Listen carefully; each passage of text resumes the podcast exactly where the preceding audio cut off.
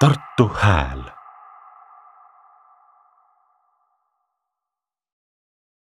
tere äh,! väga tore, et olete kõik tulnud äh, siis kuulama vestlusringi, mille teemaks on äh, tööeetika Eesti Nüüdisteatris äh,. mina olen Karin Allik äh,, Draamafestivali metaprogrammi üks juhtidest, ühtlasi äh, teatriteaduse magistrant ja teatrikriitik vabakutselisena Äh, ja ma palun alustuseks äh, tutvustada kõigil äh, siis ülejäänud vestluse osalejatel ka ennast, kuna meid salvestatakse taskuhäälingu Tartu Hääl jaoks, et siis on hea, kui kuulaja saab ka pärast eristada, et mis nimi mis häälega kokku läheb. nii et sa võid alustada näiteks. tere, mina olen Hene-Liis Äh, töötan Kanuti gildi saalis maja dramaturgina ja põhjus, miks ma siin olen, on ilmselt see, et ma kirjutasin äh, äh, poolteist aastat tagasi koos äh, Paavo Piigiga Levilasse artikli Kuidas tehakse näitlejat äh,, mille kaudu äh, ma puutusin kokku väga palju tänase, tänase vestlusringi teemaga ja olen erialaselt veel erinevate tekstide kaudu teemaga kokku puutunud mina olen Maria Peterson, ma olen siis teatriruumi lavastaja ja näitleja ja Vanalinna Hariduskolleegiumi teatrikooli juht ja õpetaja. tere, mina olen Gert Raudsepp, ma olen näitleja ja viibin siin hetkel sellepärast, et olen ka teatriliidu esimees. aitäh, äh, tegelikult siin vestluses äh, oleks pidanud viibima ka Paavo Piik ise, äh, aga kuna ta jäi haigeks, siis ta saatis mulle lühikese siis nagu kommentaari, et mitte küll vastuseid kõikidele küsimustele, mida me edaspidi arutama hakkame, aga, aga teema sissejuhatuseks ma loeksingi tema äh, siis kommentaari ette. mul on väga kahju, et ma haigeks jäin ja selles vestlusringis osaleda ei saa. minu seisukohast, hetkel küll lamamiskohast, on tegelikult kõige olulisem, et selline vestlusring üldse toimub mulle tundub, et meil on teatri sees hetkel puudu foorumitest, kus arutada parimate praktikate üle äh,, kuidas proove läbi viia, kaitsta inimesi ületöötamise eest, arvestada nende vaimse tervisega, sekkuda olukordades, kus kedagi alandatakse või keegi kasutab ära oma võimupositsiooni.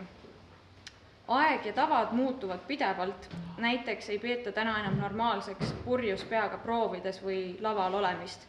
samas kui veel üheksakümnendatel seda vaikimisi aktsepteeriti. mulle tundub, et samasse suunda liigub ka nooremate teatriinimeste suhtumine enesekehtestamisse näitlejate peale röökides või näiteks arusaamatusse tavasse, et valguskunstnikud töötavad meil öösiti.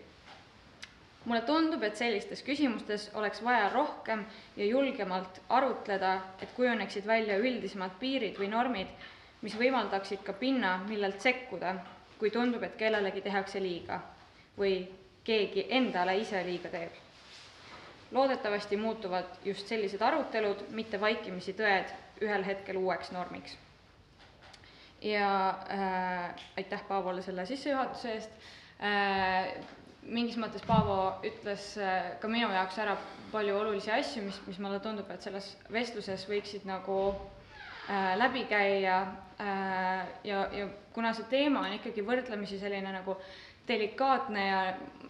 nagu ma olen tajunud seda vestlusringi nagu ette valmistades ja inimestega vesteldes äh, ka lihtsalt nagu muus kontekstis, kui see vestlus meil siin praegu on, siis, äh, siis on nagu natukene tunda seda, et võib-olla kõik inimesed ei tunne ennast väga mugavalt seda, sellest teemast rääkides, et see tekitab ikkagi mingisuguseid nagu pingeid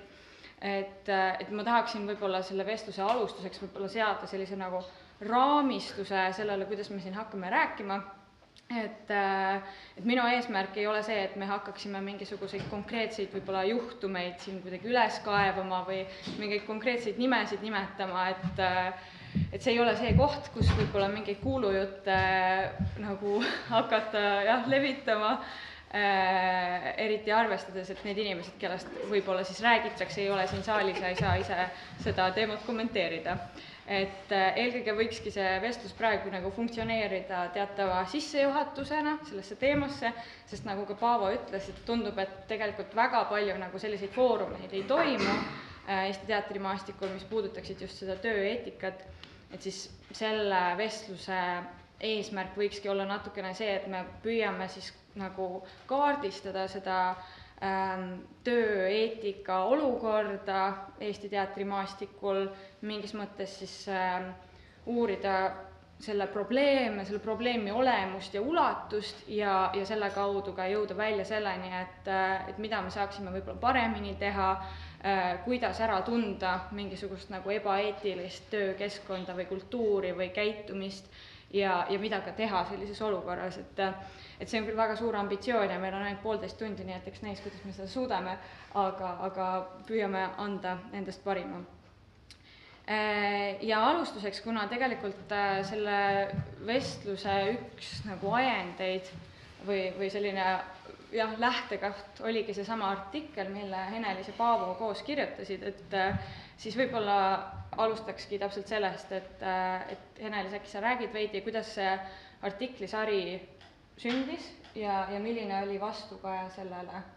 ja kes ei tea, et siis, siis võib-olla avad, mis see artikli sisu oli Ähm, äh, jaa, me hakkasime seda artiklit kirjutama või selleks valmistuma Paavoga äh, juba nüüdseks kaks aastat tagasi ja see ajend tuli kuulujutust, äh, mil, mida Paavo oli kuulnud ja jutt läks kuidagi väga süütult sinna, nagu tavaliselt see juhtub, ma ei tea, kusagil teatri suitsuruumides või kohtades, kus nagu juhuslikult keegi midagi, mis on kõigile teada, äh, suust välja pillab. Ja siis me, kuna me olime seda mõlemad kuulnud ja siis me otsustasime, et okei okay,, aga, aga tegelikult see vist ei ole ju niisugune asi, millest lihtsalt rääkida, vaid see tundub, et see nagu tegelikult võib-olla ei peaks nagu jääma sinna punkti, et me lihtsalt kusagil trammipeatuses sellest räägime, et äkki peaks midagi tegema või et see tundub nagu üsna tõsine asi äh,. nii et pool aastat me mm, rääkisime erinevate inimestega äh,, Äh, see kuulujutt siis põhimõtteliselt oli midagi sellist, et äh, üks äh, teatripedagoog on, on pika aja vältel oma õpilastega väga veidralt käitunud, teinud eri, seksuaalse alatooniga pakkumisi ja kuidagi niimoodi lihtsustatult öeldes oma võimupositsiooni ära kasutanud. Ja pool aastat me uurisime teemat, uurisime, kuidas on seadusandlus ja kuidas teemaga on varasemalt ringi käidud Eestis. Lugesime detailselt mina ka lugusid ja paralleelselt rääkisime erinevate inimestega. Ja kuigi me keskendusime või me hakkasime minema küll nagu ühte liini pidi ühe nagu inimese ja ühe võib-olla ringkonna kaudu, siis tegelikult tuli väga palju rohkem välja, et poole aasta jooksul me panime kokku mitmeosalise loo äh, erinevatest juhtumitest, kus me analüüsisime ka siis erinevaid äh, lahendusi. ja mis siis äh, hiljem sai, kui see või selle artikli käigus juhtus, suuremad muutused võib-olla, ma, me olime väga tihedas suhtluses tolleaegse võrdõigusvolinikuga või Liisa Pakostaga nii et selle tulemusel äh, loodi leht ahistamine.ee, kus on mingisugune esialgne info selle kohta, mis on ahistamine ja mida ette võtta, kui see toimub, sest et me saime aru, et tegelikult kui kui sa ka märkad, et selline probleem on või oled ohver selles situatsioonis, siis tegelikult sul ei ole kuhugi pöörduda. kui võib-olla koolisüsteemis on direktori poole võimalik pöörduda, siis väiksemates organisatsioonides või koolides sul ei ole, kui teatrikooli juht või äh, huviringi juht võib-olla ongi see, kes ise neid asju korda saadab, siis kelle poole sa pöördud. ja ka Liisa Pakosta enda kodulehel ei olnud selle kohta infot nii et loodi leht ahistamine.ee, samamoodi info läks üles peaesilehele ja me üritasime ka ise panna kokku sellise lihtsustatud skeemi, hakates minema, et okei okay,, et kui me märkame probleemi, siis kuidas sellega tegeleda, kas see on üldse päriselt probleem, äh, kuidas sellest äh, teada anda või kuidas ise tuge leida. Äh, ja pärast selle artikli kirjutamist ma ei oska öelda, kas otseses seoses sellega, aga pärast selle artikli kirjutamist mulle tundub, et teema jäi õhku kohati ja, ja võib-olla lihtsalt äh, mingisugusel äh, suvalisel kokkulange, kokkulangemisel hakati, hakkas välja tulema erinevaid juhtumeid näiteks spordikoolidest, äh, näiteks jalgpallikooli juhtum ja neid on nüüd äh, selle pooleteise aasta jooksul tegelikult veel välja tulnud. Et ma ei oska öelda, kas see tegi mingisuguse otsa lahti, aga, aga ta langes võib-olla lihtsalt õigesse aega ja Paavo tegelikult äh, ju on ka sinuga suhelnud edasi sellel teemal, et võib-olla sa oskad kommenteerida seda, mida te olete Paavoga arutanud? jaa, ma, ma nii detailselt ei oska Paavo tegemistest rääkida, aga, aga tõepoolest koostöös siis äh, Maret Toomeriga, ei mitte Kristiina Oomeriga, vabandust jah, tõesti. ja siis Näitlejate Liiduga ja, ja Teatriliiduga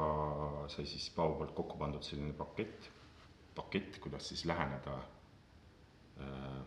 teatriringidele, näiteringidele see puudutab ju eeskätt huviharidust. ja ma ei tea, kuhu, kuhu sellega veel välja jõutakse, aga ma loodan, et jõutakse kaugele. Ma ei oskagi nii täpselt äh,, seda on levitatud ka siis nendel äh, kooliteatrite päevadel ja, ja üldiselt vist Paavo eesmärk oleks see, et need, et see info oleks nagu igalt poolt kättesaadav Äh, lastel siis, õpilastel silme ees. ja nad teaksid, kuhu pöörduda. ja nad julgeksid sellest rääkida, see ongi kõige olulisem. Jaa, äh, ma isegi olen vist näinud seda plakatit, äh, mis, mis kandis pealkirja vist, et teeme proovi ja siis et seal oli selgitatud kõik asjad ära väga lühidalt, skemaatiliselt ja selgelt, et, et mis ei ole teatri huviringis või teatri, teatritunnis siis äh, okei okay ja, ja millise käitumisega nagu tuleks kuhugi pöörduda. jah, alguses on tehtud just nimelt plakati näol, aga ilmselgelt see läheb ka sotsiaalmeediasse yeah. edasi, et mm. -hmm. aga ähm, millist vastukaja see, see artikkel tegelikult nagu noh, ütleme siis teatri professionaalidelt sai, et ma, kui ma Paavoga ise nagu rääkisin sellest, noh, nüüd on nagu naljakas olukord, et me räägime siin Paavost ja tema selja taga muidugi justkui, et mida tema arvab. Et seda väga ei tahaks nagu teha, aga lihtsalt, et, et tuua sisse see, et, et ta mainis, et osa inimesi reageeris sellele ikkagi nagu võrdlemisi valulikult või, või ütles kuidagi, et selline mm, asi rikub Eesti teatri mainet ja, ja võib-olla keerutab mingisugust nagu soppa üles nii-öelda, et et kuidas te sellele reageerisite või, või kui palju sellist nagu tagasisidet üldse tuli? Ma arvan, et me olime valmis nagu väga paljuks, sest et me ei, me ei maininud ühtegi nime äh, otseselt selles artiklis. Ja me olime valmis, et äh, ajakirjanikud tunnevad huvi äh,, mida ka tehti, tegelikult äh, meile mõlemale kirjutati ja uuriti, et kas me oleksime nõus neid nimesid avalikustama. Äh, tagasiside koha pealt, kuna me nimesid ei maininud, siis tegelikult ma tundsin, et seda toetust oli väga palju. ma arvan, et see oleks olnud palju keerukam, kui me oleksime rääkinud konkreetsetest nimedest, ma arvan, et siis ei oleks seda nii palju jagatud.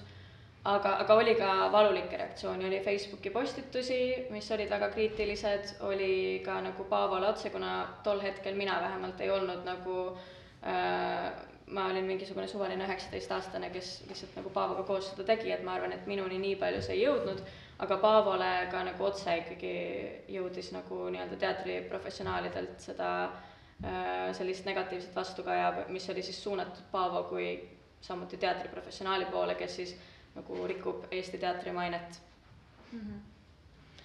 aga noh, see on nagu siis laiem küsimus, mitte ainult selle artikli äh, kohta, et, äh, et kuidas suhtuda sellesse, kui, kui osa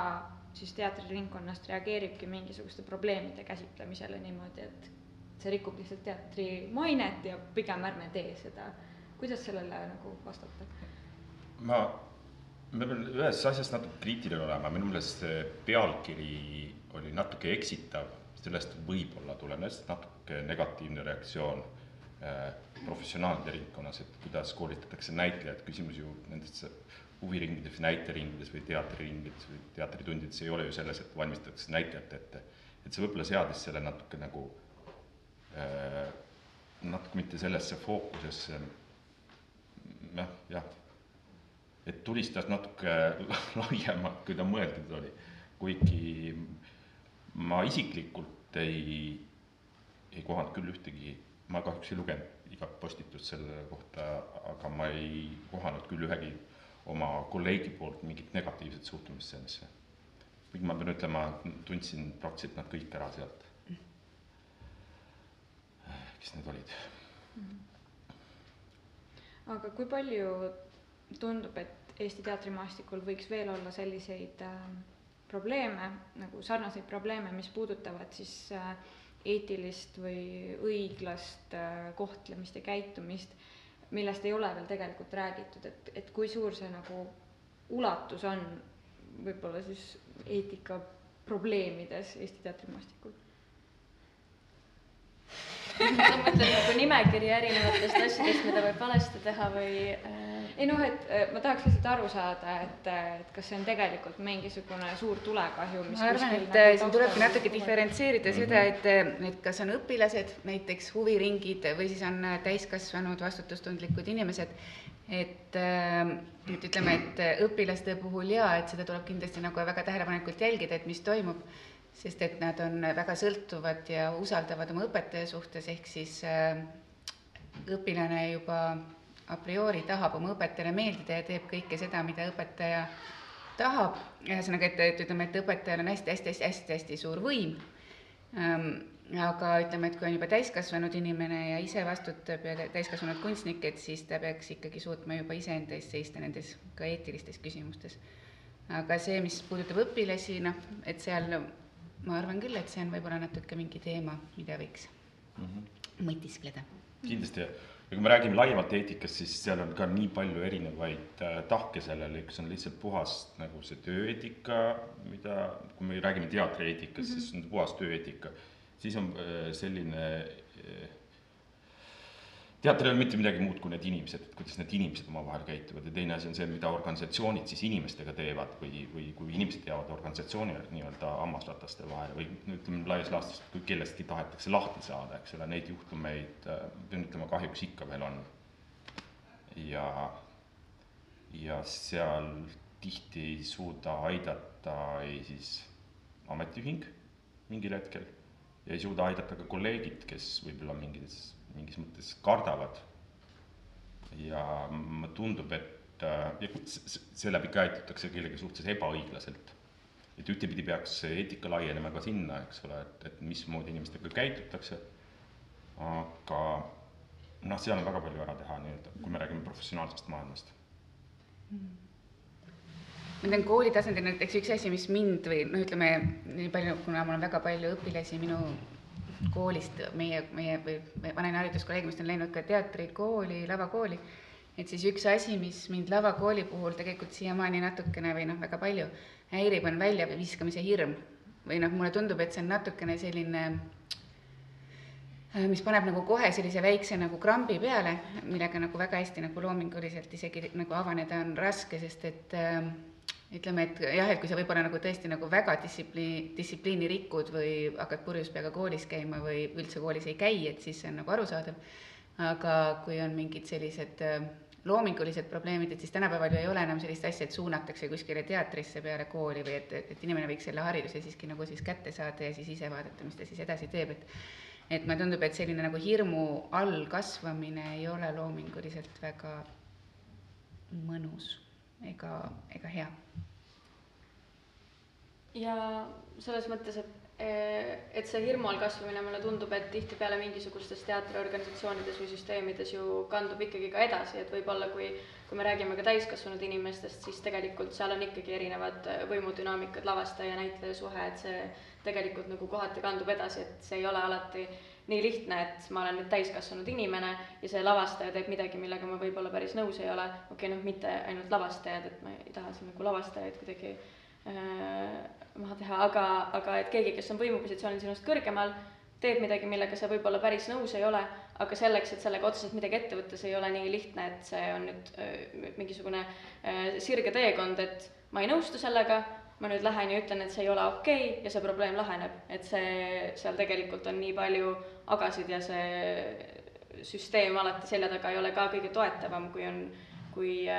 kui see suhe on võib-olla mm, keegi, kes on äsja kooli lõpetanud ja siseneb just sellesse teatrisüsteemi, et sa saad kohe et inimesed on su selja taga, kui sa tuled mingisuguse väitega välja või ütled, et aga see ei ole okei okay.. et see ei pruugi laheneda niimoodi kohe mm. -hmm siin käis muidugi nüüd jutust hästi palju teemasid läbi, mida ma tahaks No. nagu üles korjata ja edasi arendada, aga võtame siis äh, järjekorras, et, et ma alustan sellest äh, Maria äh, mõttest, et äh, mis oligi see, et, et tegelikult äh, just võib-olla siis nagu õpilaste seisukohast õpetaja on alati väga nagu jah, võimupositsioonil, et tahetakse väga õpetajale meeldida ja nagu äh, siis tegutsetakse selle järgi, et äh, kuidas sina ise õpetajana kuidagi nagu arendad enda õpilastes seda, et, et nad suudaksid ennast kehtestada ja nad ei klammerduks enda õpetaja külge selles mõttes? Mm, ma arvan, et see on nagu dia-, mul on üks õpilane siin, aga ei kaks isegi, et, et dialoogi kaudu selles mõttes, et äh, mind nagu, ma nagu püüan, püüan ikkagi kuulata välja, mida õpilane ise mõtleb, mida ta, mida ta tahab, et ma nagu äh, väga väldin sellist äh, autoritaarset äh, lähenemist, mulle tundub, vähemasti ma loodan. et et, et ma püüan olla selles äh, jah, et, et nagu see alus või tunni alus või õpetamise alus on dialoog. ehk siis äh, selle kaudu, et ma tahaks, et iga inimene areneks selles suunas, kuhu ta peaks arenema, et ma ei paneks oma mingit sellist äh, nägu talle ette väga. mm. -hmm. aga on see siis ka mingisugune teema, mida te eraldi võib-olla käsitlete mingil jah, läbi huumorimeele tavaliselt saab kõige paremini neid asju kuidagi käsitleda mm. -hmm. et, et, et tuua ka näiteid sellest, kuidas on nagu naljakas, ehk siis, et tegelikult kõik need sellised vägivaldsed asjad on väga õudsed, samal ajal on neis mingi teatud selline huumor, mille, kui seda nagu ära tunda, et see on nagu, ühesõnaga, sa pead oskama kuidagi nagu lä-, näha ka läbi ähm, Nad, kui nad realiseeruvad, nad on õudsed, aga kui nad hakkavad nagu, hakkab nagu kerima, siis on seal selline nagu väike selline nagu nali, mille sa pead ära tabama, et sa pead oskama naerda nii iseenda kui ka teiste üle, et see on võib-olla üks selline oluline oskus, mida ma püüan ka õpetada mm. -hmm. ja noh, arvestades, arvestades, et see inim-, noh, need inimesed sageli, kes äh, VHK teatrikooli lõpetavad, nad ikkagi ju liiguvad edasi kuhugi teatrimaastikku. no mitte see ei ole meie eesmärk, et Jaa, seda me oleme alati öelnud, et see on tegelikult teatrivahenditega, ühesõnaga loomingulisuse ja tunnetusprotsesside arendamine, et see, et see, et minna edasi teatrikooli, et see ei ole mingi selline, meil ei ole selline, me oleme öelnud ka lavakooli eelkool, meil ei ole mm, -hmm. ei ole tegelikult, et me lihtsalt äh, tegeleme sellise andekuse kui erivajadusega siis oma koolis jaa, ja siis teine teema, mis, mis Henelise jutust mulle näiteks kõrva jäi, millest ma tahtsingi rääkida, on see nagu noh, et teatritöö on juba olemuslikult sageli väga hierarhiline, noh, loomulikult on nagu erandeid, kus, kus nagu püüeldaksegi väga demokraatliku loomeprotsessi poole, aga, aga sageli ikkagi noh, Eesti teatris lavastused ju sünnivad mingisuguse nagu lavastaja juhtimisel nii-öelda, et ikkagi keegi on näitlejate suhtes teataval võimupositsioonil. see võib olla ka teatrijuht ju teinekord, et või, või mõni muu inimene, kes on kuidagi siis jah, võimupositsioonil, et et milline see võimudünaamika Eesti teatrikultuuris on, see on küll hästi nagu üldine küsimus mingis mõttes, aga aga et kas, kas meie teatrikultuuris võib-olla on siis nagu selline autoritaarne lavastaja juurdunud või, või on pigem nagu demokraatliku lavastaja mudel või kuidas, kuidas te ise nagu ma, vabandust, ma ma armastan kuidagi sõnastada seda niimoodi, nagu Venemaa kunagi defineeris ennast, et see on piiratud demokraatia. et, et me pea, me peame aru saama, et see ei ole kellegi võimupositsiooni kasutamine, et see on vastutuse mm -hmm. jagunemine. Seal ei ole variante selles, et keegi peab ühel hetkel vastutuse võtma, kõik korraga vastutust võtta ei saa. ja sellest tekivad vastavad töökohustused või, või töölõigud. loomulikult seal äh, nagu inimeste vahel, issand juba kahe inimese vahel lähevad asjad lappama, mis me siis räägime siis kahekümnest, viieteistkümnest inimesest, kelle vahel asjad lappama lähevad, seda ikka juhtub. see ei ole hea, aga seda hakkab, seda,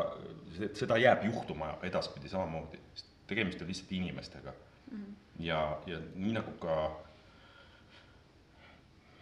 mm, kuidas ma, mul sai nüüd teatrikooli lõpetamisest sel aastal kolmkümmend aastat, nüüd ma kõiki detaile enam ei mäleta, aga, aga minu meelest nagu põhiline asi selles oli see, et öö, tööd oli palju, päevad olid pikad, stressitase oli kõrge, aga näitleja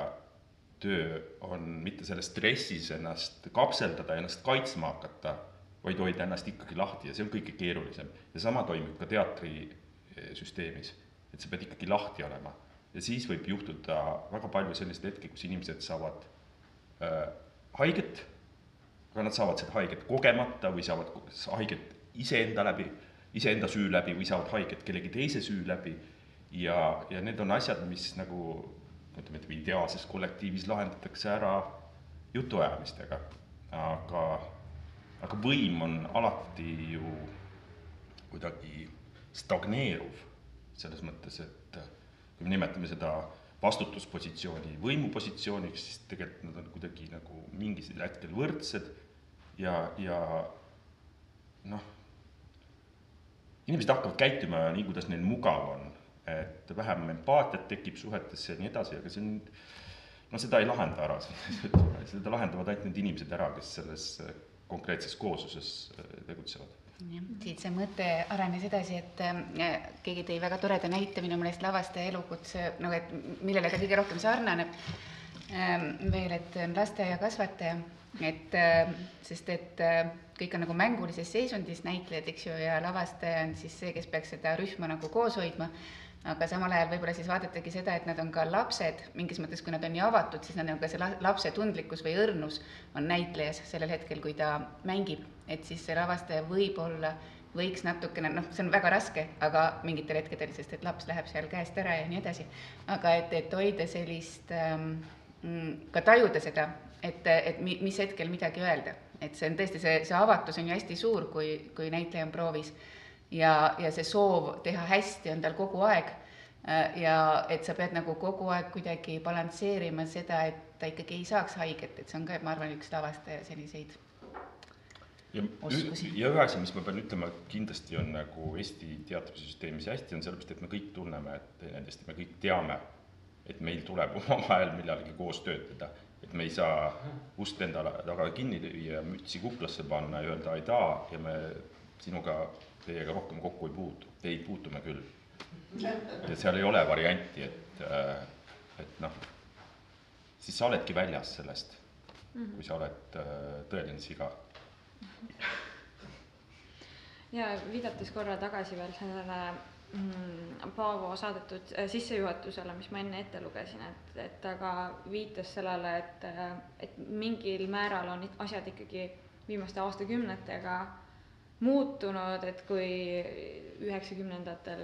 oli nagu vaikimisi aktsepteeritav see, et inimesed tulevad puurjus peaga lavale või proovi. Ja, ja et noorem põlvkond võib-olla ei aktsepteeri seda, kui lavastaja röögib nende peale, et kuidas teile tundub, kas see on kuidagi nagu mm, muutunud viimaste aastate, viimaste aastakümnetega, et, et kus, mida inimesed aktsepteerivad teatritöös, et kust maalt nagu lähevad piirid ma, minu perspektiiv on tõesti üheksakümnendad, Paavo vist ei ole üheksakümnendate perspektiiv, et ta, ta, ta kuuleb äh, mingisuguseid lugusid ja jutte ja tihtipeale need jutud ju muutuvad iga ülerääkimisega aina mahlakamaks ja mahlakamaks.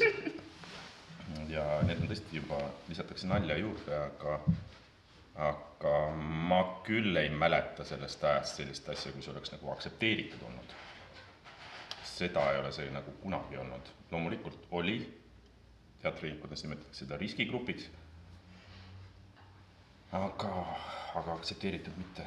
see ei ole jah aktsepteeritud olnud, aga samas on olnud ka mingid sellised vaikivad, eks ju, kokkulepped, et mingitest asjadest ei räägita. Äh,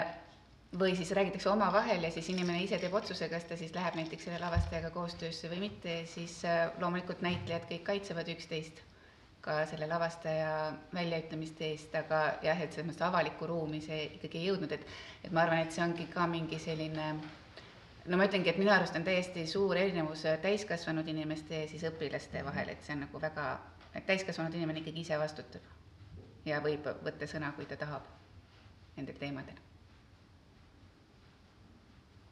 ma unustasin küsimuse ära noh,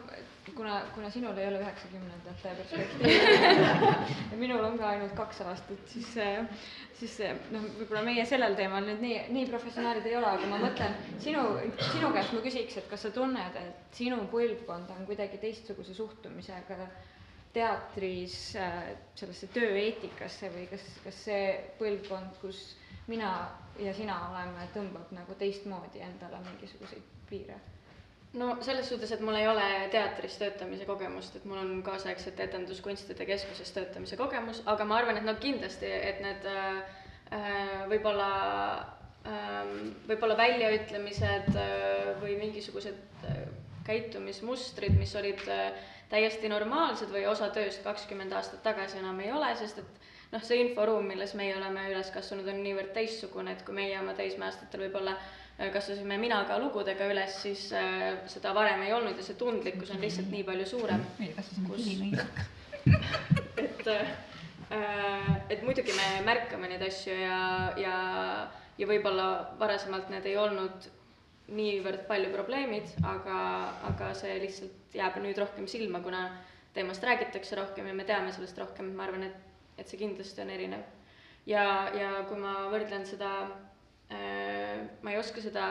teatrimaailma hierarhilisust nii palju kommenteerida, aga mulle tundub, et äh, et mina olen kokku puutunud rohkem vabakutseliste kunstnikuga, kunstnikega, kelle koostöötamise vormid on natukene teistsugused äh, ja neid ja nagu võib-olla mitmekesisemad, et see lihtsalt äh, tavaliselt, äh, kui sa oled vabakutseline kunstnik, siis sa töötad nendega, kellega sa äh, saad hästi läbi ja kui sa enam ühel hetkel ei saa nendega hästi läbi, siis sa lihtsalt võib-olla ei kutsu neid järgmisesse projekti ja, ja see kuidagi võib-olla töötab natuke teistmoodi, et ei ole niimoodi, et keegi on kusagil kindlalt äh, palgal ja siis äh, kutsub endale äh, kedagi, kellega koos töötada ja mis ma veel mõtlesin, oli see, et võib-olla seal äh, kaasaegsete etenduskunstide maailmas, mul on kolleegid ka siin, nii et ma loodan, et ma midagi väga valesti ei ütle, aga, aga mis mulle endale tundub, on see, et võib-olla seal tuleb rohkem äh, äh, institutsiooni koha pealt mõelda, et mitte seda võimupositsiooni, mis seal paratamatult on, kuidagi ära kasutada või just, et mis on need asjad, mida nii-öelda nagu äh, peaks siis tegema või mille üle on vastutus ja kuidas nagu sellega tundlikult ümber käia ja teha nii, et et ka seal ei oleks mingisugust väga ebaeetilist töötamisviisi mm. -hmm.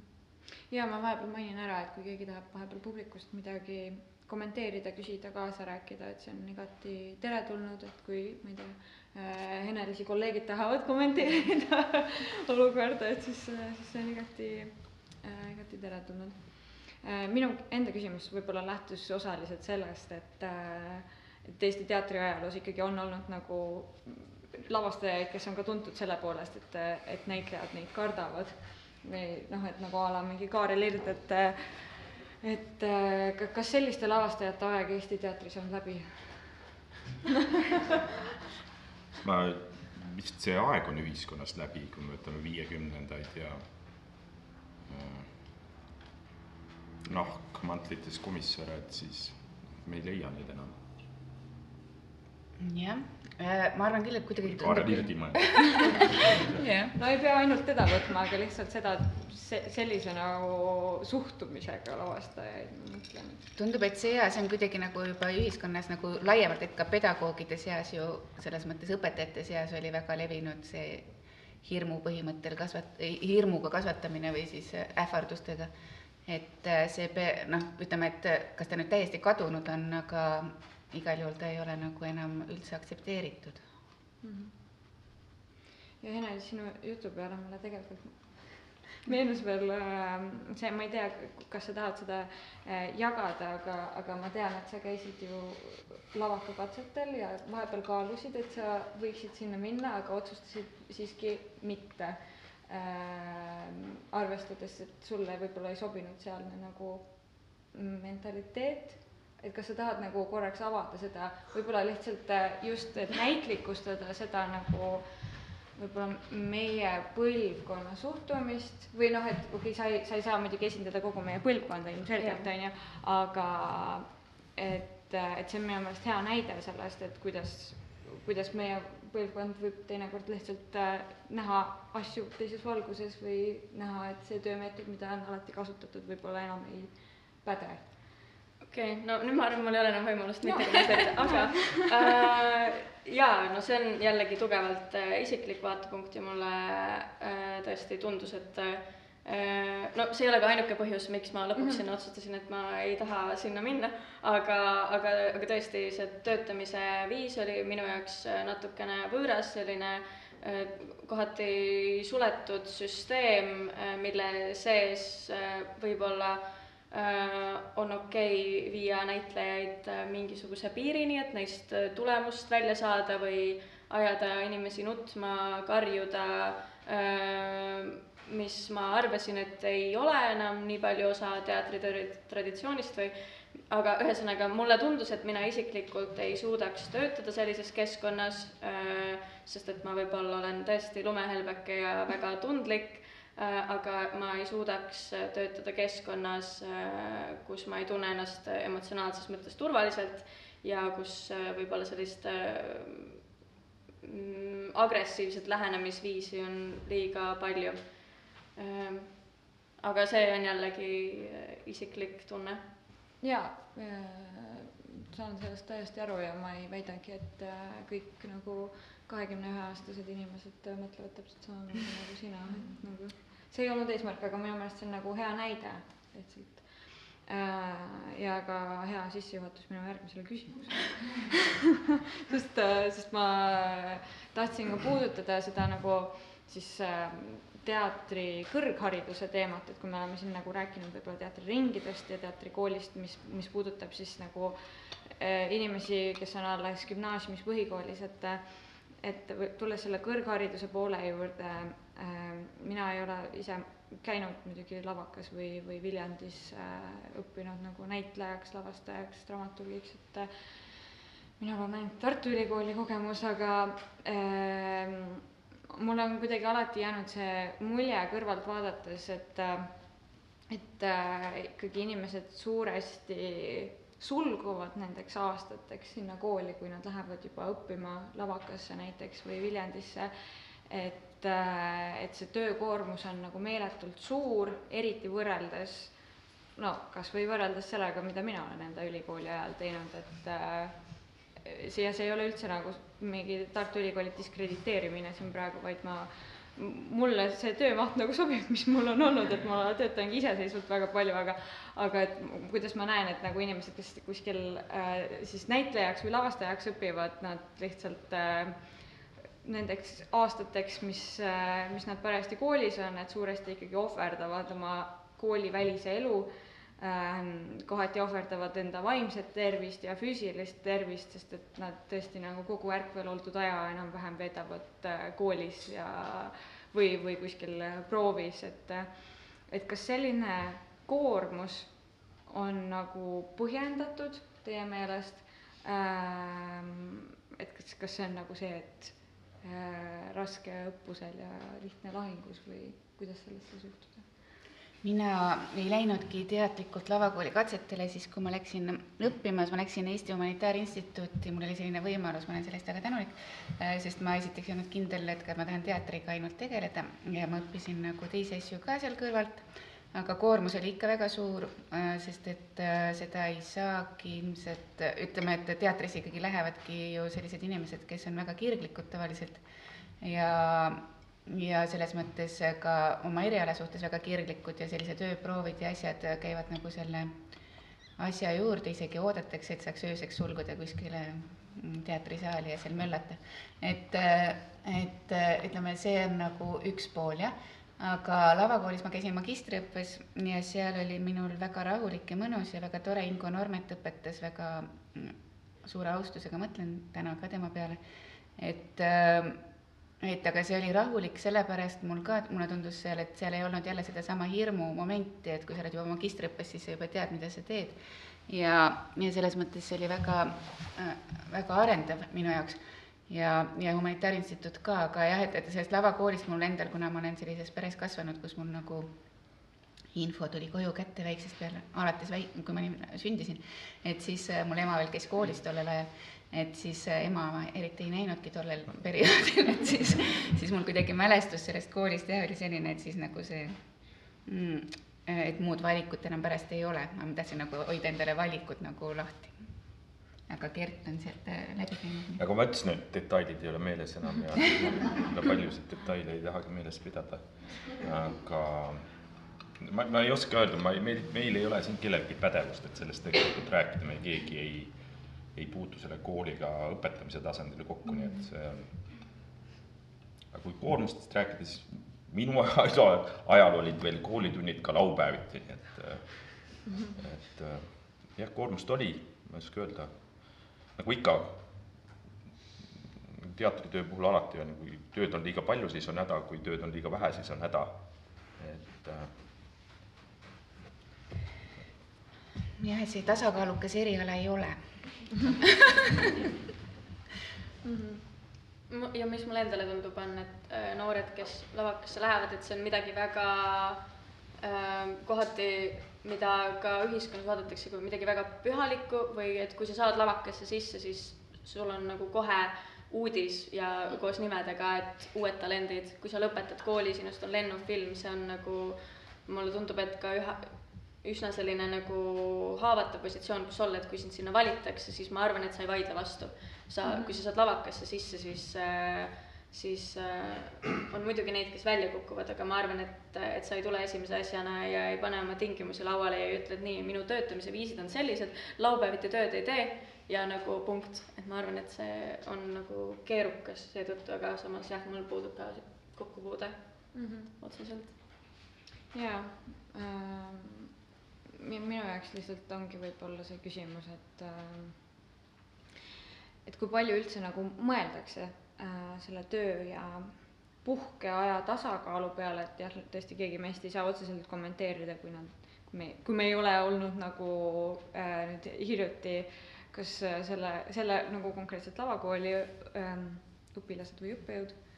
ega ka Viljandis, et äh, et ma ei tea, võib-olla keegi publikust äh, tahab nagu kaasa rääkida sellel teemal, et äh, ma näen Viljandi tudengeid meil siin on et äh,, et kuidas see puhke- ja tööaja tasakaal praegu teatrikoolis tegelikult nagu tundub?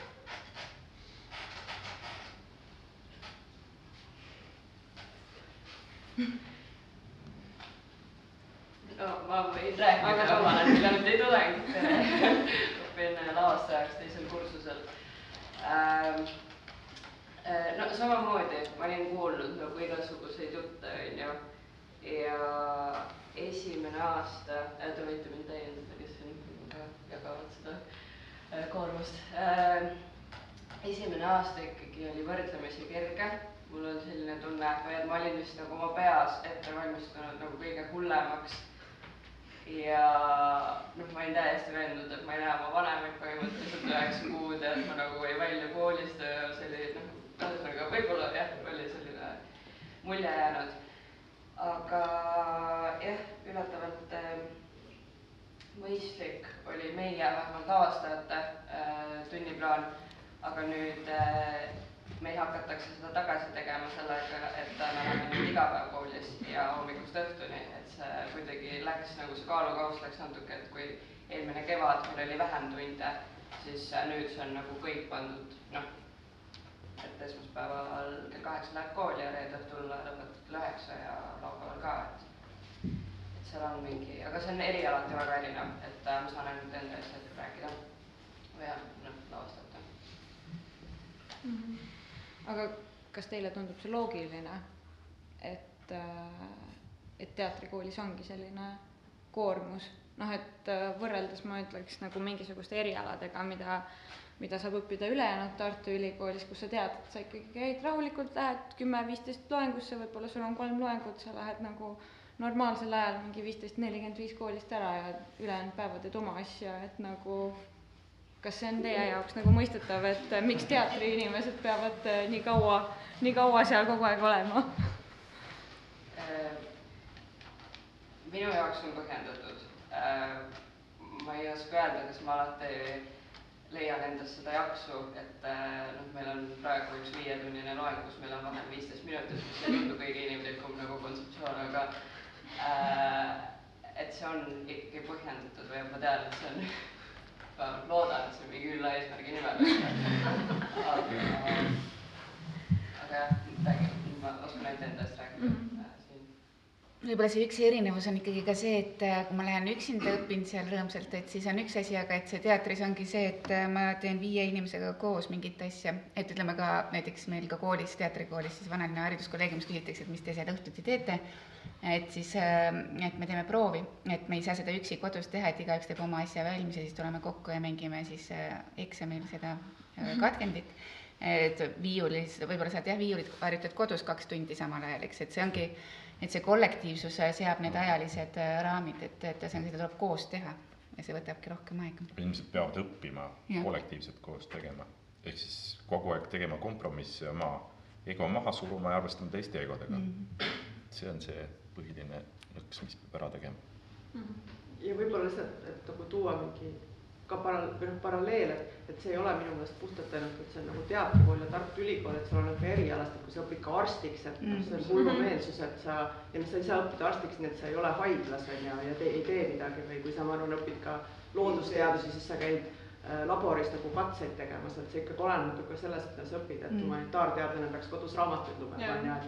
et et, et, et see noh, et võib-olla see, see rakenduslikkus nõuab tegelikult seda rohkem koos tegemist täpselt, et sa ei saa Kohalolu. üksi minna seda teha, et et, et see noh, ma arvan, et nii jah, mustvalgeid nagu Jaa. neid jooni ei saa sinna jaa, ma olen lihtsalt isiklikult priviligeeritud humanitaarteadlane, et ma saan omaette kodus raamatuid lugeda ja. muudame seda. ja sa tahad, ega sa hakata? tahad laupäeval? jah, mina käisin ka laupäeval äh, koolis, siis olen mm, äh, kui ma tohiks äh, ka ütleks mõned mõtted, et äh, vanusega on kuidagi lihtsalt see, et asjad muutuvad nagu keerulisemaks. ja, ja mul tõesti see teema, millest te räägite, mind nagu väga puudutab. ja mulle tundub, et Eesti teater on jõudnud nagu praegu sellesse punkti, kus Lääne-Euroopa oli, Lääne-Euroopa teatritegelased olid kuskil kuuekümnendate lõpus kus ka loomulikult lavastaja on autori, autoritaarne tüüp ja selle vastu, selle võimu vastu tuleb nagu protestida. ja eriti tajusid seda naisnäitlejad, need tegelikult tegid hästi paljud naised siis oma naistetruppe ja neid on uuritud, et mis siis nendest sai. ja no ikkagi tuli välja, et selline kollektiivne lavastamine, et kus me oleme kõik hästi sõbralikud ja kallistame ja, ja kõikide ideed lähevad lavastusse sisse, igaüks võib teha, et siis nagu kunstiliselt nagu noh, ei tule sellest nagu kõige paremaid asju välja. nii et tegelikult mulle ikkagi tundub, et me ei saa öelda seda, et ja no muidugi nagu eks ju teatris on ju see, et te räägite lavastajast kui mm, siis võimukandjast, aga tihti on seal ju veel ka see sooline, eks ju, et see, noh, me oleme harjunud patriarhaalse, patriarhaalse kultuuriga, isa kuju, eks ju, meeslavastajad ja nii edasi. Et äh, ja isegi kui ma mõtlen tänasele päevale, siis mulle tundub ikkagi see, et et nagu natuke sellist autoritaarsust või, või noh, Gert ütles vastutust, on tegelikult kunstiliste tulemuste nimel ikkagi nagu vaja. ma ei tea, te võite mulle vastu vaielda, et, et kus see, kus see tasakaal on? jah, mul kohe, mul kohe hakkas mõte jooksma. nii et äh, ma ise olen nimetanud võib-olla seda, et lavastaja on otsustaja. Et ühesõnaga, et, et keegi peab olema otsustaja jah, ja siis äh, ja otsustaja ja otsuste eest vastutaja. just, ja siis ta vastutab nende otsuste eest. aga et, et see ongi see, et, et aga samas see, et kuulata ära ideed, niikuinii ei saa kõiki ideid sisse panna, see tuleks mingi noh, ma ei kujuta ette, võib-olla oleks huvitav teha selline lavastus, kus kõikide ideed sisse lähevad, et mis sellest tuleks. aga noh, eksperimendi korras, aga ütleme, et äh, ma ei usu, et sellest tähendab noh, kogemus näitab, et sellest ei, ei tuleks midagi väga võib-olla ilusat. et, et, et lihtsalt, aga selles mõttes samas neid ideid ära kuulata, et see on ikkagi kindlasti inspireeriv, et, et, et kuhugi uude punkti jõuda jälle, et see on ka Annelile räägin kaasa, et selles mõttes, et noh, nagu tulen tagasi selle juurde, inimesed kõik eksivad alati ja et seal on see, et kui me kõik oleme hästi sõbrad tõepoolest, eks ole, ja kõik arvestame kõigiga, loomulikult võibki paras jura kokku tekkida, eks ole, aga tegelikult tähtis on ju see nagu sel puhul see nõudlikkus nii enda kui teineteist või teiste kolleegide suhtes. ja nüüd äh, ära tajuda see nõudlikkuse ülevalhoidmise printsiip, et see ei solvaks isiklikult kedagi sest et äh, proovis või laval võib olla väga emotsionaalsed hetked, kus inimene tegelikult ei mõtle midagi halba, aga ometi keegi saab haiget. ja noh, ideaalis peaks ju olema niimoodi, et see, mis seal toimus, see jääb sinna, eks ole. Et me võtame endale ka siis erinevad nagu rollid, kuigi noh, põhimõtteliselt ma vaidlen endale vastu, et noh, sa jääd ikkagi end, iseendaks, aga mängutuhinas ka lapsed teevad endale teineteisele kogemata haiget, et, et niimoodi juhtub emotsionaalsel tasemel ka, tasandil ka professionaalses maailmas. ütleme, et jah, et need prooviperioodid on ikkagi väga erinevad, et on ka täiesti selliseid äh, imelisi prooviperioode, kus keegi ei lähegi tülli ja kõik ongi hästi. ega ei pea tülli minema. või noh, või samas, et, et, et ongi väga sõbralik õhkkond ja, ja, ja tuleb väga hea lavastus. ja võib ka vastupidi olla, aga samas need, ma, need ikkagi nagu need protsessi sees peaksid minu arust kõik need probleemid ära lahendatama, sest et muidu see hakkab lavastuses minu arust ikkagi natuke peegelduma nagu, kui on mingi, mingi asi seal jäänud niimoodi lahendamata. Kui ma just asja, vabandust, kui see on nüüd hästi banaalne näide, aga et mulle kuidagi tundub ka, et see nagu ka jälle käib siinsama see pühaduse lavastaja, mingis mõttes on see nagu tööprotsess ju ka. Ja noh, et me, minul on ka ülemus on ju, see noh, on Anneli Saro ja, ja, ja see on ka, et tema ühel hetkel ka võtab mingeid vastutusi ja, ja ega see autoritaarsus ei tähenda, et sa oled, või see, et sa oled nii-öelda ülemus või vastutaja või juht ei, või tähendagi, et sa oled automaatselt autoritaarne mm, -hmm. ma juba eeldangi, et, et sa lavastusprotsessis ka täpselt lavastaja teeb otsuseid, ega ta ei pea karjuma selles mm -hmm. raames, vaid et tema ütlebki, see otsus on see ja me teeme niimoodi, et minu meelest see on nagu selles mõttes normaalne protsess, kui see ei olegi see koosloome meetod on ju, et noh, et, et selles mõttes lavastaja on juht ja tegelikult ma küsikski siit edasi hoopis natuke teise nurga alt, et noh, hästi palju räägitakse, et tänapäeva noored ei taha vastutust võtta, nad ei taha tegelikult lavastajaks õppida, sest nad ei taha olla need inimesed, kes lõpuks ütlevad, et aga sinu idee ikkagi ei lähe, sest et väga sõbralikult, sest me otsustame niimoodi. ja võib-olla see on laiem nagu tööeetika küsimus, millest ta kuidagi pole rääkinud, Gert siin natuke alguses mainis, et kas näiteks tööeetika kui selline on muutunud, et mina olen Gertist noorem, ma arvan, et Maria on võib-olla umbes ühevanune ja eks ole, õpetan nagu üli, Tartu Ülikoolis ka ja vahel mulle tundubki, et, et ikkagi mingi tööeetika on täiesti nagu noortel alla läinud, et, et nagu ei viitsi tegelikult midagi teha Äh, samas on jälle väga häid näiteid, need on inimesed, kellel on ka kaasanud Draamafestivali, et ma ei tea, kas te tunnete näiteks ka ise, Gert on mitmes teatris teinud, on ju, et sina lavastad, oled noortega, et ka noorte tööeetika tegelikult on nagu muutunud äh, just nagu kuidagi suvalisemaks või et ei võeta enam nagu kuidagi tõsiselt seda või on just vastupidi, et tegelikult nagu tööeetika on nagu paremaks läinud? Ma ei oska öelda, et kas see on nagu nüüd halvemaks läinud, see on muutunud kindlasti, aga kui ma mõtlen enda peale, sel ajal, kui ma teatrisse läksin, siis ma kindlasti tulin ikka suure kohvri eetikaga sinna, ronisin kohale. ja ilmselgelt seal on konflikt sees eh, noorte tulijate ja vanade olijate vahel, nemad ilmselt arvasid, et minu eetika ei ole nii hea, kui nendel on. et see on, see jääb paratamatult niimoodi olema, lisaks muudele noorte vanade probleemidele aga, aga see kindlasti on muutunud. aga ühiskond meie ümber muutub ja see on normaalne. lihtsalt küsimus ongi selles, et, et ega sa ei saa kellelegi eetikat nagu nuiaga pähe taguda, sinu ainus võimalus on, on seda maailma kaitsta, mis on sinu jaoks õige maailm. siis ma ei taha siin rääkida mingist eeskujust, vaid lihtsalt, et sa noh et sa õpetad siis neid reegleid, mida, mida, mille peale ise pole tulnud või, või pole koolis õpetatud, eks ole, nagu mingisuguseid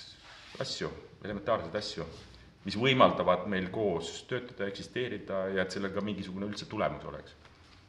Ma ei tea jah, äh, mina ei olegi taju-, ta muut-, muutub, loomulikult elu on nagu evolutsiooniline protsess, aga areng, aga mulle tundub, et areng on positiivne noorte suhtes. Äh, ma olen kuidagi optimistlik pigem, et äh, ma kuidagi ei taju seda, et tahetakse vähem tööd teha, pigem just ma tajun isegi rohkem süvenemist, ütleme võib-olla jah, mingid sellised mm, mingid asjad on teistmoodi, et ütleme, võib-olla mingite tekstide lugemine ja selline asi valmistab rohkem äh, pingutust inimestele või raamatute lugemine või see tundub nagu suur sündmus, kui on midagi läbi loetud. et, äh, et see on huvitav muudatus, aga samas selline tahe tegutseda ja see on ikkagi nagu väga, väga-väga suur. ja see, noh, lavastaja elukutse, noh, see on tegelikult, see ongi no üli, noh nõudlik elukutse, et selles mõttes, see on arusaadav, miks sinna väga paljud inimesed ei soovi minna, sest et mingis mõttes sa ikkagi jääd, ükskõik kui koostööaldis sa selles trupis ei ole, oled sa mingis mõttes siiski kogu aeg eraldi lavastajana. ja seesama, et sa selles otsustaja positsioonil, sa küll mm, et ühesõnaga, et sa pead võtma selle kolm kuud äh, nii-öelda mingis mõttes üksindust vastu nagu. mulle tundub, jah. jah, oli küsimus. Ja ma tahaks ühte asja küsida, et äh, ma olen ka seda meelt, et juht, on ta siis lavastaja või teatrijuht, tal peab olema õigus otsustada ja, ja otsus peab olema tehtud niimoodi, et see on põhjendatud ja kaasneb vastutus. aga palun konkreetsemaid näiteid, mitte siis nimesid näiteid, aga mis meil on siis Eesti teatris praegu äh, need äh, probleemkohad, kus kuritarvitatakse siis äh, kas siis võimu või siis kus minnakse üle piiride. meil on ju tegelikult teatrid, kus peanäitejuhi abikaasa saab pea, äh, no põhirollid on ju, see on täiesti aktsepteeritav, keegi me ei vaidlusta seda. siis on meil noh, väga palju perekonnateatrit, me ei vaidlusta seda, kus on nagu niimoodi. aga mis on need kohad, kus meil on Eesti teatris see punane joon, kus kogu aeg teie näete, et astutakse üle, aga me hoiame noh, vaatame silmad kõik lihtsalt kinni mis on meie probleem, me käime nagu, mul on siuke tunne, me käime ümber puu, selle puu, no mingi kuuma põllukausi, räägime siin midagi, millest me räägime, aru ei saa, onju, et lähme natuke konkreetsemalt palun. ilma nimedeta. siin on selline reegel, eks ju, teatrikoolis esimeses tunnis öeldakse, et kõik see, mis me siin teeme, jääb meie vahele et natukene nagu selline noh, need äh, äh, noh, minul on enamasti, mina olen sellises turvalises äh, kohas äh, ise valikut teinud, kus ma olen viibinud, ka olen huvitavamates kohtades olnud, aga jah, ei saa minna konkreetsemaks mina praegu, võib-olla Gert saab. kas meil on mingid probleemid või ei ole, kas meil noh, näitlejaid sunnitakse midagi tegema, mida nad ise ei taha kas see on see, noh, seesama küsimus, et kui naisnäitleja võtab rinnapaljaks laval, kas siis see on tema vaba tahte, tahteakt või on see vanema meesnäitleja poolt veel, kui ta on veel õppejõud, tema ma arvan, et kui see on sa ei saa sellele mitte kunagi vastust. jah, kui see on täiskasvanud inimene, siis see on kindlasti tema vaba tahteakt. kui ta on äh, õpilane, siis äh, ei tea. Siis ei pruugi olla. vastus, kui sa ei tea, on juba päris hea vastus. ei, sa ei tea seda sa ei tea seda, seda teavad ainult need inimesed, kes seal on ja vahel ei tea nad ise ka. et kust see tuleb, kuidas see grupi dünaamika niimoodi mõjutab, et seda teevad kõik või teeb üks või, või ei tee keegi. noh, ja me, seda, me jah,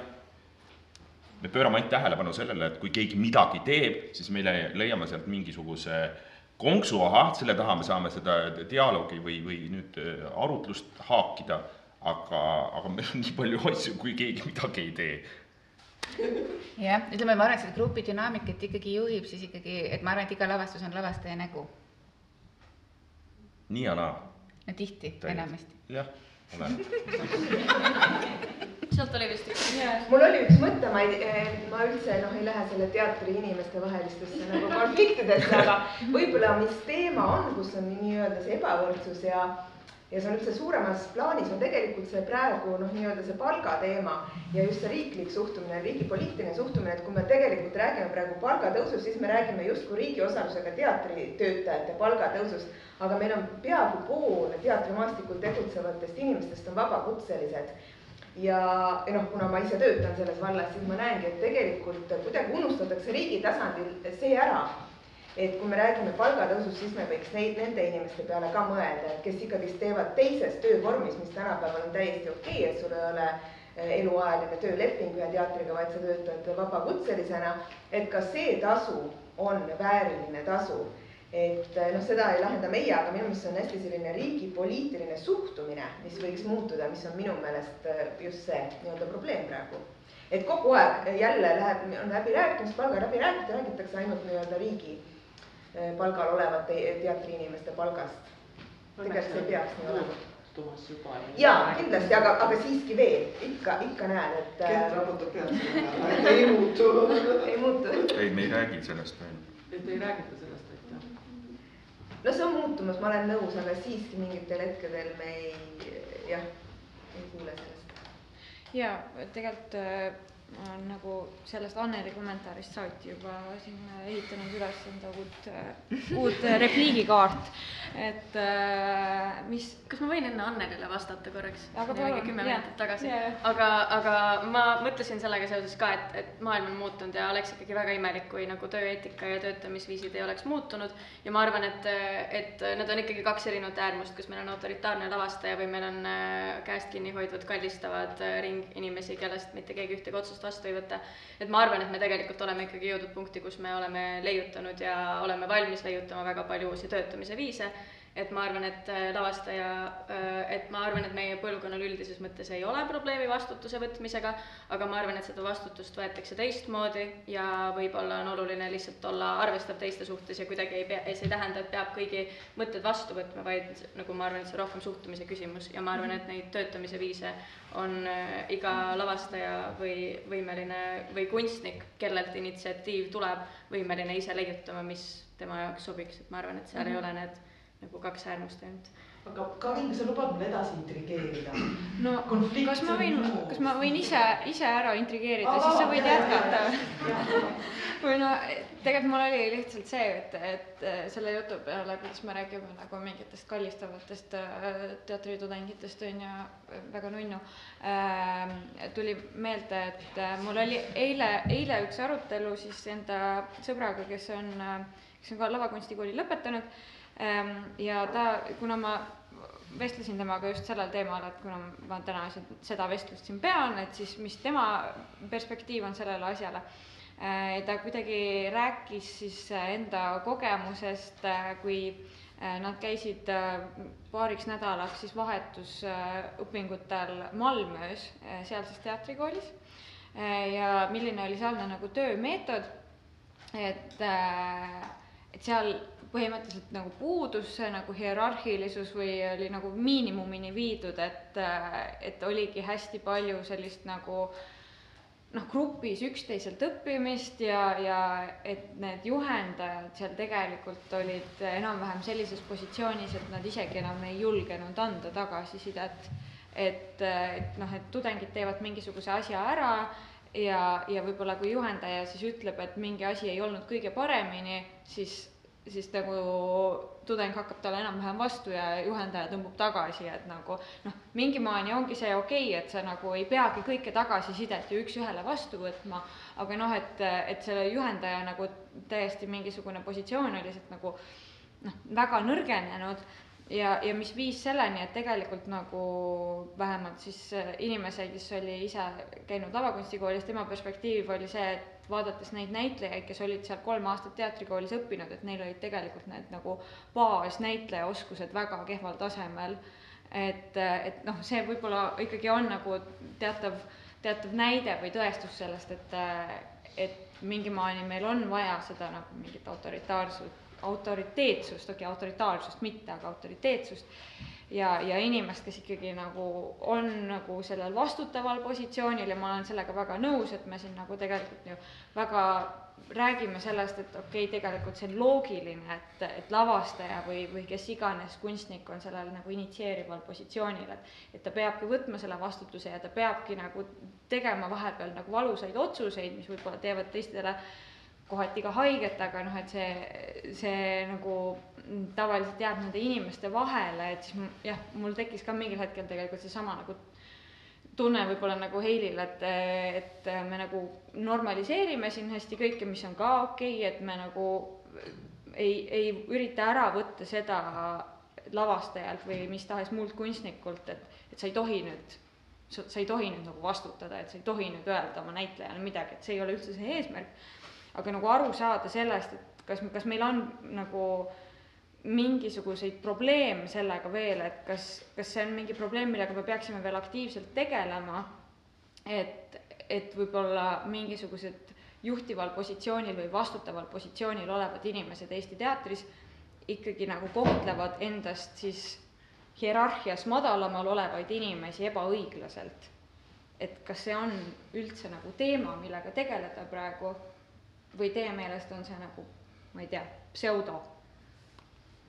mm,? ma ei tea, mulle tundub, et mingi tänases päevas konkreetselt et inimesed ikkagi juba ise keelduvad sellistest koostöödest, kus nad teavad, et see, selline asi võiks olla, ma ei tea, mulle tundub. ma pigem arvan just, et see kooli tasandil või huvikoolide tasandil on see, millega peaks edasi nagu möllama, aga no ma ei tea, võib-olla siin on inimesi, kes töötavad rohkem nagu niimoodi laiali, et võib-olla teavad paremini siis. et mulle tundub küll, et see sellist nagu äh, karjuvat, äh, möllavat, äh, paikapanevat lavastajat praegu nagu ei aktsepteerita. ma kujutan ette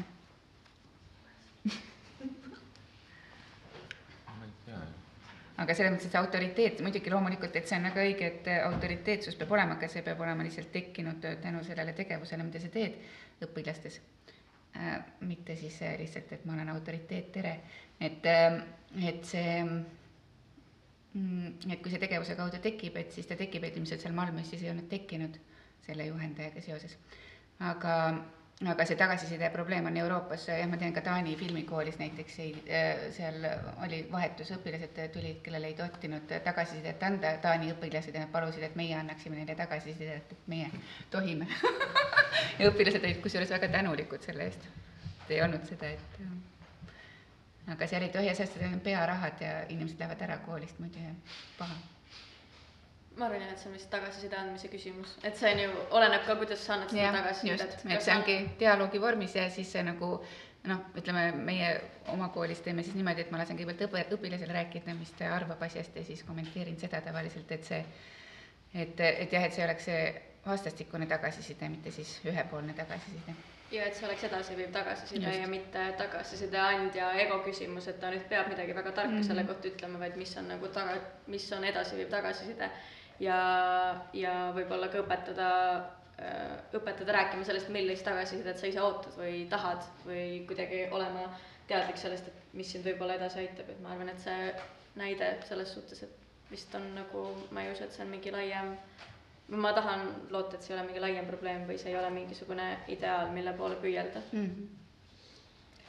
et jah, et noh, praegu ma õpin eripedagoogikat isiklikest huvidest lähtuvalt ja siis äh, ja noh, et ka sellega võib-olla tegutseda mingil hetkel, aga aga lihtsalt see, seesama, see ütleme, see hirmu või no ütleme, loomingut äh, tegelikult kuidagi hirmuõhkkonnas äh,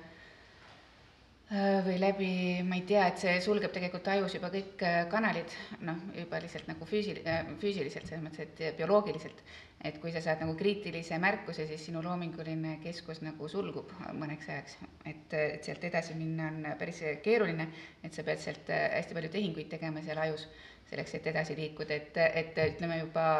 juba sellest noh, võib alustada, et pedagoogikas peab kõigepealt pedagoogilise hariduse omandama, et seda siis seda siis teha, et ma ei tea, kui palju meil on neid huvijuhte ja kellel on see pedagoogiline haridus. Aga kommenteerides korraks seda, et kas meil siis on probleeme või ei ole, äh, mis mulle tundub, on see, et väga palju on erinevaid kuulujutte ja nagu inimesed ikka ütlevad mingi okei okay,, et ma kuulsin mingit kuulujuttu, mida ma teen, siis ma ei lähe politseisse selle kuulujutuga ju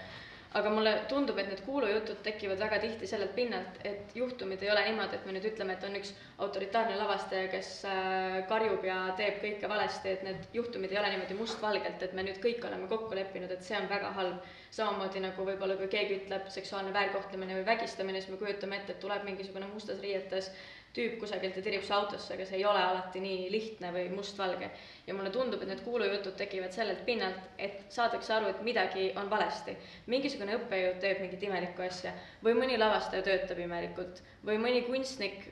teeb mingisuguseid imelikke asju, aga sa ei oska seda adresseerida, sa tead, et sul võib-olla ei ole seda seljatagust või kuhu sa üldse pöördud sellele, see ei ole, sellega, see ei ole võib-olla otseselt midagi kriminaalset sa ei lähe tema ülemuse juurde sellest rääkima, sa ei oska seda ka nagu võib-olla selle nagu ringkonna siseselt adresseerida ja sealt tekivad mingisugused kuulujutud, mida nagu räägitakse edasi ja see nagu muidugi muudab vormi, äh, moondub, aga see on nagu ainuke asi, mida inimesed oskavad teha, et sellega kuidagi hakkama saada või seda adresseerida. ei ole nagu ühist arusaama, et okei okay,, selline asi tegelikult ei kuulu nagu ma ei tea, mõne institutsiooni või teatrikooli tööeetikasse ja nüüd me tegeleme sellega. kui sellist arusaama ei ole, siis see, mida sa oskad teha võib-olla ka noore inimesena, on see, et et ma nüüd kusagil peol jälle räägin kellelegi, et kuule, sihuke asi päris veider, teine ütleb, et okei okay,, tõesti on veider, aga see ei liigu sealt nagu edasi muus vormis kui ainult see, et okei okay,, räägime sellest, me kõik teame, et see toimub, aga kuna see otseselt nagu keegi ei oska sellega tegeleda, siis me ka lihtsalt nagu see ei samas liigu. meil on ikkagi ka juhtum, kus meil on Suure Teatri juht äh, äh, Aivar Mäe lahkunud ametist sellega seotult, et teda süüdistati mittesobivas käitumises, on ju. Et, et noh, selles suhtes meil on ka igasugused asjad on juba muutunud ja et äh, Aivar Mäe siiamaani arvab, et ta ei teinud midagi valesti, aga need inimesed, kes noh, teda süüdistasid, arvavad teistmoodi, on ju. et aga meil on ikkagi mingi mustvalge näide olemas. jah, see on ka ühiskonna muutumisest.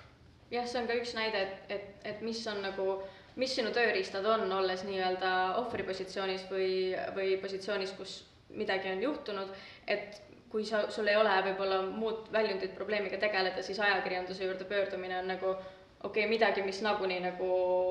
lendab suure kaarega kuhugi ja, ja see saab kõlapinna, aga võib-olla kui seal oleks äh, mingisuguses ideaalses maailmas jällegi nagu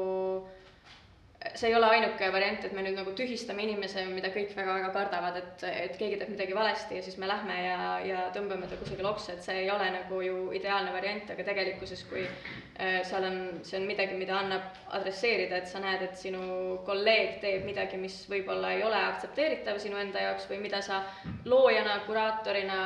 äh, või mingisuguse kunstilise programmi koostajana ei, ei taha toetada, see ei tähenda, et sa pead inimesi tühistama, see tähendab, et sa võib-olla saad kasutada seda enda positsiooni sellega, et anda märku, et, et okei okay,, see, mis sa teed, et see tegelikult võiks jätkuda nagu kuidagi mingis teises vormis, et nagu see ei saa lihtsalt niimoodi töötada, et me töötame koos ja sa teed neid asju, seal ei ole nagu üks või teine, et sa pead olema andekas lavastaja ja samas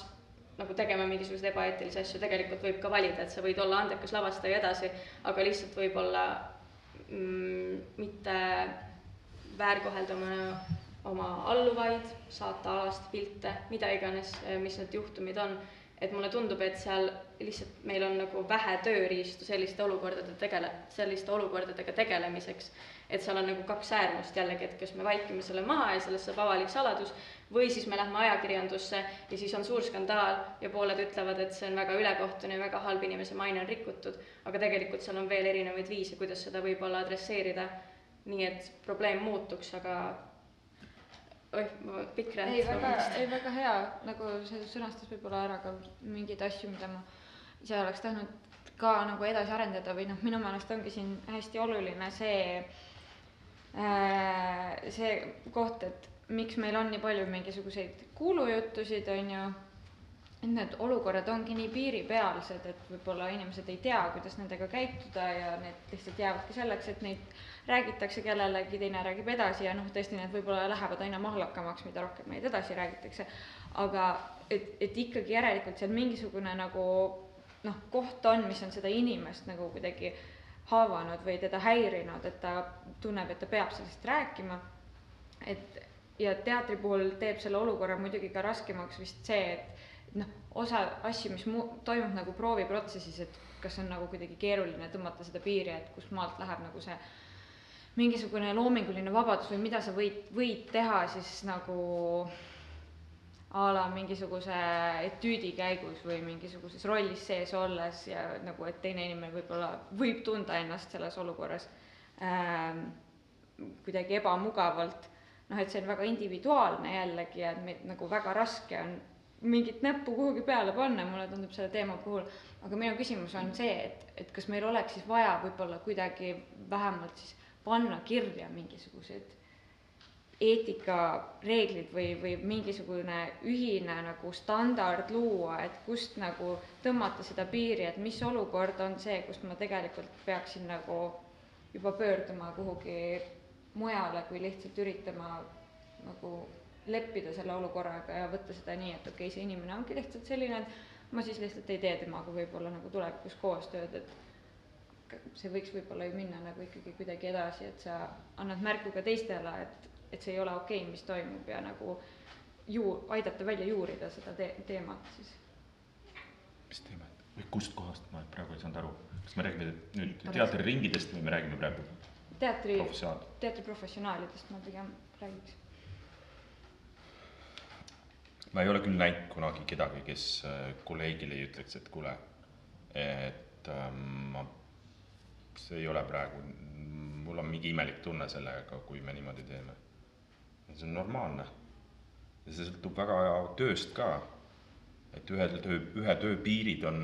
ühes kohas, teised piirid on teises kohas. seda kuidagi eetika mingi koodeksina kirja panna, vabandust, ma ei näe, kuidas, kes selle kirja paneks kelle arvamus sinna koodeksisse siis muud tuleks? ma, ma, ma ei tea. väga, väga keeruline oleks mingisuguseid plahvatusi nagu äh, punkt punktilt äh, kirja panna, ma mõtlen selles mõttes selliseid plahvatusi, mis tekivad äh, sellistel jumalikel hetkedel, kui, kui kõik need väravad avanevad ja inimesed teevad midagi sellist, mis, mis jääb kõigile meelde. Noh, sa võid öelda, et noh, jah, see läks üle, pärast võid öelda, et jah, natuke läks üle piiri minu jaoks sellest ja ma tavaolukorras niimoodi ei, ei käituks, aga näed, et noh, seda protsessi ei ole võimalik nagu selliseks teha, ma arvan, ma arvan, et inimesed on täiskasvanud inimesed ja nad, nad saavad omavahel hakkama ja peavad saama hakkama. võib-olla see on ka nagu ideaalmaailm, millest ma räägin, aga aga, aga nad saavad hakkama, nüüd see teine asi on see, mis, mis on selle asja teise pool, mida te ka puudutasite, et see, et kui see asi on mingi süsteemne äh, mingisuguse imeliku inimese ebaadekvaatne käitumine kollektiivis, kus kõik saavad haiget või, või, või läheb see lausa ahistamiseni, aga vabandust, ma ei ole viimasel ajal selliseid kuulujutte kuulnud. et kui te pärast seda vestlusringi valgustate no siis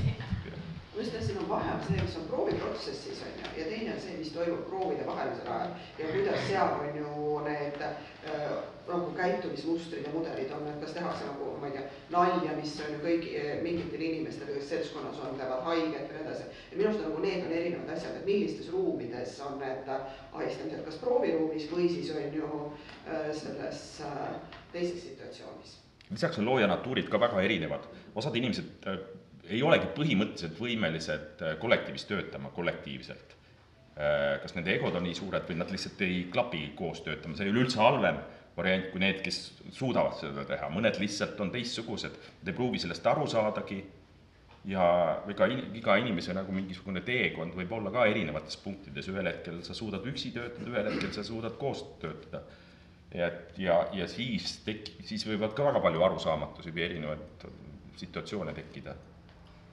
mis mulle tundub äh, jällegi kõlab nagu mingi väga hipi teismelise jutt, aga et, et oleks, et oluline on mingisugune valmisolek äh, rääkida või olukordi adresseerida, ma ei arva, et on võimalik luua sellist äh, ühtset eetika, eetikakoodeksit, sest et kolme aasta pärast tuleks ümber kirjutada. et seal on mingisugune asi, mis mulle tundub, kus tuleb usaldada intuitsiooni ja tõesti võib-olla olukorrad, kus mina tunneksin, tunneksin ennast ahistatuna, võib-olla sina ei tunneks, et seal ikkagi on erinevus ja, ja võib-olla see on ikkagi see, et äh, on valmisolek rääkida nendest asjadest, adresseerida ja nii-öelda inimesena, kes võib-olla on teinud midagi, mis paneb teist ebamugavalt tundma, valmisolek ta ära kuulata ja muutuda, ma arvan, et kolmekümne aasta pärast äh, teen ka mina asju, mis ei ole aktsepteeritavad nooremale põlvkonnale või äh, inimestele, kellega ma töötan, aga vähim, mida ma teha saan praegu idealistlikult mõeldes, on see, et mul on valmisolek kohaneda ajaga. kui see tõesti tekitab kelleski ebamugavust, siis ma kuulan ta ära ja vaatan, kas ma saan oma töötamise viisi kuidagi muuta. ma ei arva, et ma pean seda edasi kandma kuni enda surmani, see, mida, mille ma olen praegu ära õppinud ja ma olen nagu võimetu seda kuidagi kunagi muutma. vabandust, nii. jah, ei, ma tahtsin seda lisada, et noh, et jah, et eh, sa kasutasid sõna ahistamine, aga ahistamine on nagu konkreetne pidev eh, toiming, eks ole. ma võib-olla rääkisin siin rohkem nagu haiget saamisest üksikutes hetkedes, eks ole, et selle vastu ei ole keegi kaitstud ja keegi ei ole kaitstud selle vastu, et ta ise kellelegi ei tee seda. noh, töö käigus mm, -hmm. see lihtsalt on nii ma arvan ka, et haiget, haiget tegemisest ja igasugustest asjadest ei ole võimalik nagu mööda hiilida, ikka juhtub äh, konflikte, asju tuleb ette, ma arvan, et küsimus on selles, kuidas neid lahendatakse või kuidas sealt edasi liigutakse. mul on küsimus, aga see on Karinile sina oled kõige paremini, ma arvan, kursis Eesti teatrikriitikaga, kas sa arvad, et teatrikriitika praegu on eetiline? mis see pilt on, kas on ka tööeetika probleeme teatrikriitikas? Me Anneliga just eile korraks rääkisime sellest, et et seda eetikaprobleemi ei ole, et teatrikriitika väga kellelegi haiget teeks vist sest või ei, okei okay, äh,, ma ei tea, ma ei tea, mulle lihtsalt pigem tundub. totaalne et... ahistamine minu meelest. üheksakümnendatel kirjutati teatrist ja näitlejatest et ma arvan, et kui seda praegu, sedasama diskursust praegu kasutada, siis võiks küll mõned kohtujuhtumid olla. ja no ma mõtlen seda, et okei okay,, loomulikult kui, kui keegi saab nagu negatiivset äh, tagasisidet, siis see on ka loomulik, et äh, et see on nagu mingil määral valulik, ma ise võin ka enda perspektiivist öelda, et kui keegi annab mulle negatiivset tagasisidet, siis minul on väga raske seda vastu võtta, mis on väga paradoksaalne, arvestades mu ametit, aga lihtsalt mulle tundub, et pigem, pigem nagu jah, me Anneliga eile arutasimegi, on see, et, et äh, me nagu rehabiliteerime kõiki, kõiki lavastusi, mis nagu Eesti teatrimaastikul on ja, ja pigem ei julge välja öelda, kui midagi on halvasti või kui midagi on nagu puudulik, et, et äh, noh, ma ei tea, see on muidugi ka võib-olla minu jaoks mingi isiklik areng, et kuidas, kuidas olla aina ausam ja selles mõttes noh, mitte kriitilisem selleks, et olla lihtsalt kriitiline, vaid et kui ma tunnen, et midagi on nagu minu meelest noh, mitte hästi, midagi on nagu paigast ära, et siis ma päriselt ütlen seda, mitte et ma ei, ma ei hakka nagu kuidagi noh, ilustama seda olukorda, et et mulle tundub ka, et Eesti teatrimaastikul äh, noh, ei ole kriitikul ka päris sellist võimu, nagu on näiteks kuskil nagu mingites äh, no tegelikult ütleme, mingi Londoni teatrimaastik, kui sa vaatad kas või seda, kuidas pannakse neid kriitikute mingeid äh, fraase igasuguste nagu suurte plakatite peale ja reklaamitaksegi selle kaudu, et kuidas nagu kriitik mingisuguse, mingit, mingit asja on kommenteerinud, et siis Eestis meil ei ole seda, et kui kriitik nagu kirjutab mingisugusest lavastusest halvasti, et siis see teater põhimõtteliselt on pankrotis kohe, et nagu kriitikul ei ole nii suurt võimu, õnneks, mulle tundub. Äh, ja, ja nagu jah, see eetika küsimus minu meelest tuleb pigem just sellest küljest teatrikriitikasse sisse, et äh, et kas me nagu tegelikult oleme ausad, äh, kas me tegelikult nagu kirjutame päriselt seda, mida me mõtleme, või me nagu tahame üksteisele lihtsalt õla peale patsutada ja öelda, et noh, et tore, et ikka teeme ja et tore, et ikka nagu uuslavastuste arv iga aastaga tõuseb enam-vähem nagu ma ei tea, ma arvan, et, et see probleem nagu jah, eetikaga teatrikriitikas ei ole kuidagi väga nagu terav,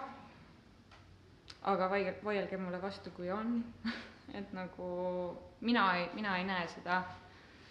ja mina isiklikult ei ole näinud ka väga palju selliseid äh, konflikte siis nagu teatrikriitiku ja teatri tegija vahel, mis läheksid nagu käest ära või noh, ma tean muidugi kolleege, kellele on nagu kirjutatud väga mingeid nõmedaid sõnumeid pärast seda, kui nad on teinud teataval määral negatiivset kriitikat, aga aga vähemalt noh, enda kogemusest lähtudes ja, ja võib-olla mingist optimistlikust perspektiivist asja vaadates, et mulle tundub, et see ei ole ikkagi nagu läbiv või see ei ole nagu tava, et, et äh, kui sa kriit-, kriitikas midagi nagu negatiivset kirjutad, et siis sa saad pärast nagu noh, et ei, ei julge pimedal tänaval üksi koju minna ja, ja nii agressiivseid äh, näitlejaid ja lavastajaid ei ole äh,. siis on hea, see mm, ma mõtlesin seda veel natukene, et äh, noh, kriitika koha pealt, et äh, ega jaa, negatiivne kriitika, kui ta on põhjendatud ja niimoodi, siis on tore, aga nagu keegi just ütles, et hea kriitika on hea, aga halb kriitika on parem, aga, aga tegelikult selle mm, rapsikut kriitikat on päris palju viimasel ajal. et seda on väga kuidagi kurb lugeda tihtipeale et just sellepärast, et sa ise nagu püüad ikkagi noh, no ka, ma ei räägi enda lavastustest, aga mõnest, mõnest teisest, et sa loed ja sa ei saa aru, et kas see inimene on üldse äh, midagi teab sellest teemast või ta ei tea, et, et, et see on ka huvitav, ma ei tea. seda võib-olla peaks kuidagi, jah. mingis mõttes jah, Maria ütletakse, et minu meelest ka kriitikaeetika küsimus on toimetajate küsimus Jah. tegelikult, et äh, et üks rohkem vist ei ole, et noh, tegelikult ka see, et mis kriitika ilmub, et seal on vahel ju inimesed, kui see ei ole just su isegi blogi on ju, et tegelikult seal on vahel toimetaja, kellel on õigus öelda, et noh, kes teeb ju otsuse, kas ta läheb lehte sellises formaadis. Aga. ei, mida vaidleme, et Eesti teatrikriitika seisu ei ole nii halb olnud kui viimasel kahel aastal, absoluutselt olen ma nõus, et või, või kaks-kolm aastat. meil on väga paljud põhikriitikud ära kadunud, valinud endale teistsuguseid väljakutseid, valivad väga, mida kirjutama läinud noored on peale tulnud, kes veel ei ole omandanud seda vaatamispagasist, pagasit kirjutamisoskust põhjalikku ja,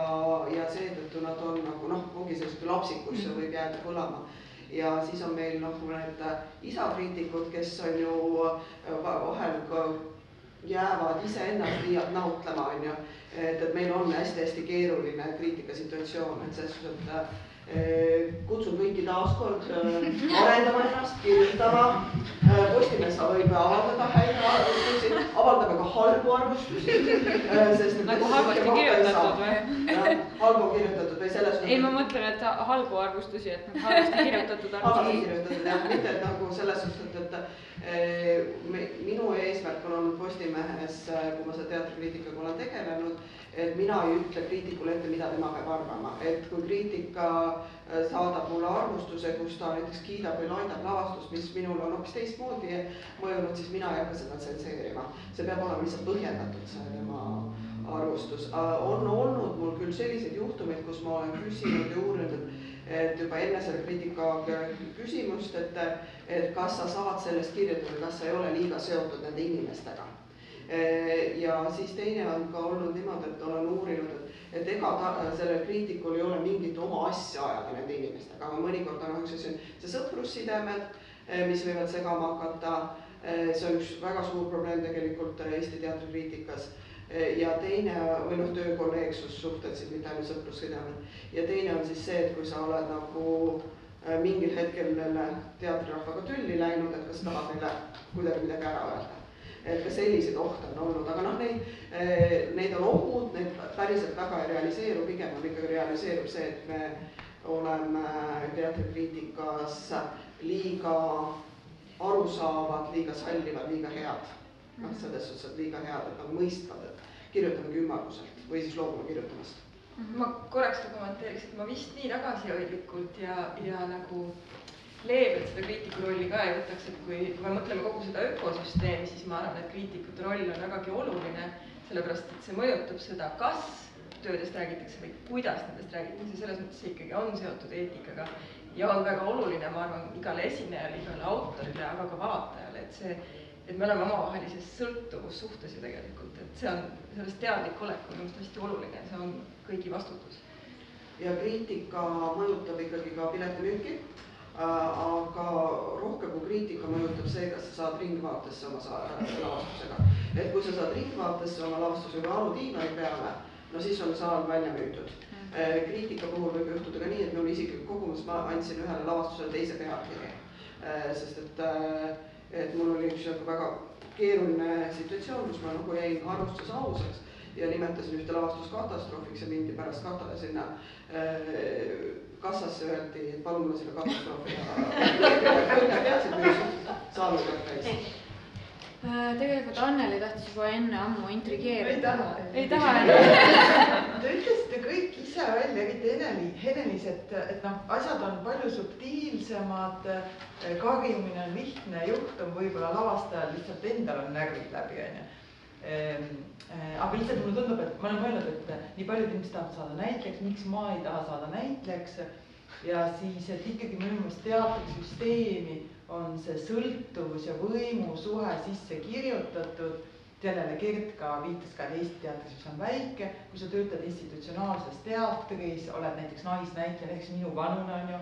tõenäoliselt ma ei saa üldse tööd, on ju, ma ei saanud aastaid äh, tööta, siis üks lavastaja halastab mu peale, kutsub mu mängima, siis ma ütlen talle, et kuule, mulle ei meeldi, et tuled liiga lähedale mulle, no ma kindlasti ei tee seda, et ühesõnaga, et et, et võib-olla teater ikkagi ongi selline mikroorganism, kus see võimu suhe on nii tugevalt sees, kas me seda teadvustame või ei teadvusta. Ja siis, et kui ma lähen sealt ühest, näiteks lähen Vanemuise teatrist ära, on ju, siis kõik juba teavad, et õudne nõid ja keegi ei võta mind ka tööle, sest kõik teavad kõiki, et noh, et, et ma arvan, et see on ka üks põhjus, miks tegelikult inimesed hoiavad ikkagi suu hästi palju kinni. sest sa saa-, saad aru, et see, see mikroorganism Eesti teatriga on ikkagi nii suletud ja nii noh, noh sõltuvuses üksteisest, aga see on minu hüpotees ainult. aitäh. kas keegi tahab kommenteerida hüpoteesi? ei, ei pea üldse ei pea, ei jah, see ökosüsteem oli päris hea määratlus. ma mõtlen selle näite peale, et, et tuleb sinu ealine Anneli ja keegi alastab ja siis kukub, kukub kohe ahistama. kuidas see enne no ütleb verbaalselt võib-olla, ütleb, et kõnni, kõnni kepsaks. peaks olema rahul, et sul tähelepanu pööramine ja kui on liiga lähedal, siis sinu vastus peaksid sa olema tänulik selle üle. oli mees näitab seisukoht. no jaa, tegelikult see on nagu selles mõttes me võime nalja teha selle üle, aga mulle tundub, et see mingis olukorras võib täiesti realiseeruda, et sa nagu tunned, et okei okay,, võib-olla mingi inimene ületas seda piiri, aga samas ta on ma ei tea, mingi kolleeg või vanem kolleeg, kellele ma olen alati alt üles vaadanud või et nagu ma peaksin tänulik olema selle tähelepanu eest, et nagu just võib-olla mingisugusest nagu teatriringides ja teatrikoolides on see nagu kõik ka aktuaalne, et et sa nagu nooremana vaatad lihtsalt nagu üle, nagu alt üles nendele inimestele, keda sa oled siis nagu imetlenud, vaadanud telekast, vaadanud lavadelt, et nagu nad on nii imelised inimesed ja et noh, siis neil on jah, tõesti see nagu mm. -hmm. et siin ikkagi jah, praegu läkski see teema läks nagu selles mõttes hästi laiaks, eks ju, et ongi, üks on see õpilase positsioon ja teine on see täiskasvanu, et, et, et siis ja. need on nagu väga erinevad, mulle tundub mm. -hmm. ja et nagu ma lõpuks tõmbaks ka selle võib-olla sinnamaale, et siis nagu õpilase positsioonist on see nagu kõige keerulisem probleem. et selles peaks küll olema kindlasti mingi selline süsteem, et, et neil on kuhu pöörduda inimestel ja et nad on teadlikud, et aga mulle tundub, et see teadlikkus üha kasvab ka noorte seas, selles mõttes just see selline, see, sellealane, et mis on okei okay ja mis ei ole okei okay., aga jah, räägi. ei, ei, et, et, et selles mõttes võiks olla tõesti, et, et mingi selline võimalus, et, et inimene ütleme jah, seal tekib seesama asi, et ikkagi see teatri kirglikkus, seotus, avatus, mis, mis võibki tekitada selle küsimuse, et oota, kas see nüüd oli okei okay või ei olnud, et kas see käibki nii teatris või ei käi, tema ju teab või mina ei tea. Et, et seal ikkagi ma arvan, et kohe, kui mingi ebamugavus on, et siis inimene peaks sellest nagu teada andma nagu jah, et tal oleks see võimalus. see, mis sa enne välja tõid, et tegelikult meil ei ole huviringide eesotsas ju väga palju õpp, õpp, õppinud pedagooge mm. -hmm. et see asi on ilmselt see, see oli ühest sellest no selle Levila artikliga seoses ühe inimesega rääkisin, kes, kes lihtsalt palus meeles pidada ka seda, et see, see toimib ka vastupidi. Et kus õpetajad ei saa mhm. õpilastega hakkama, et seal tekib mingi noh, lähenemine või, või mingi imelik käitumine.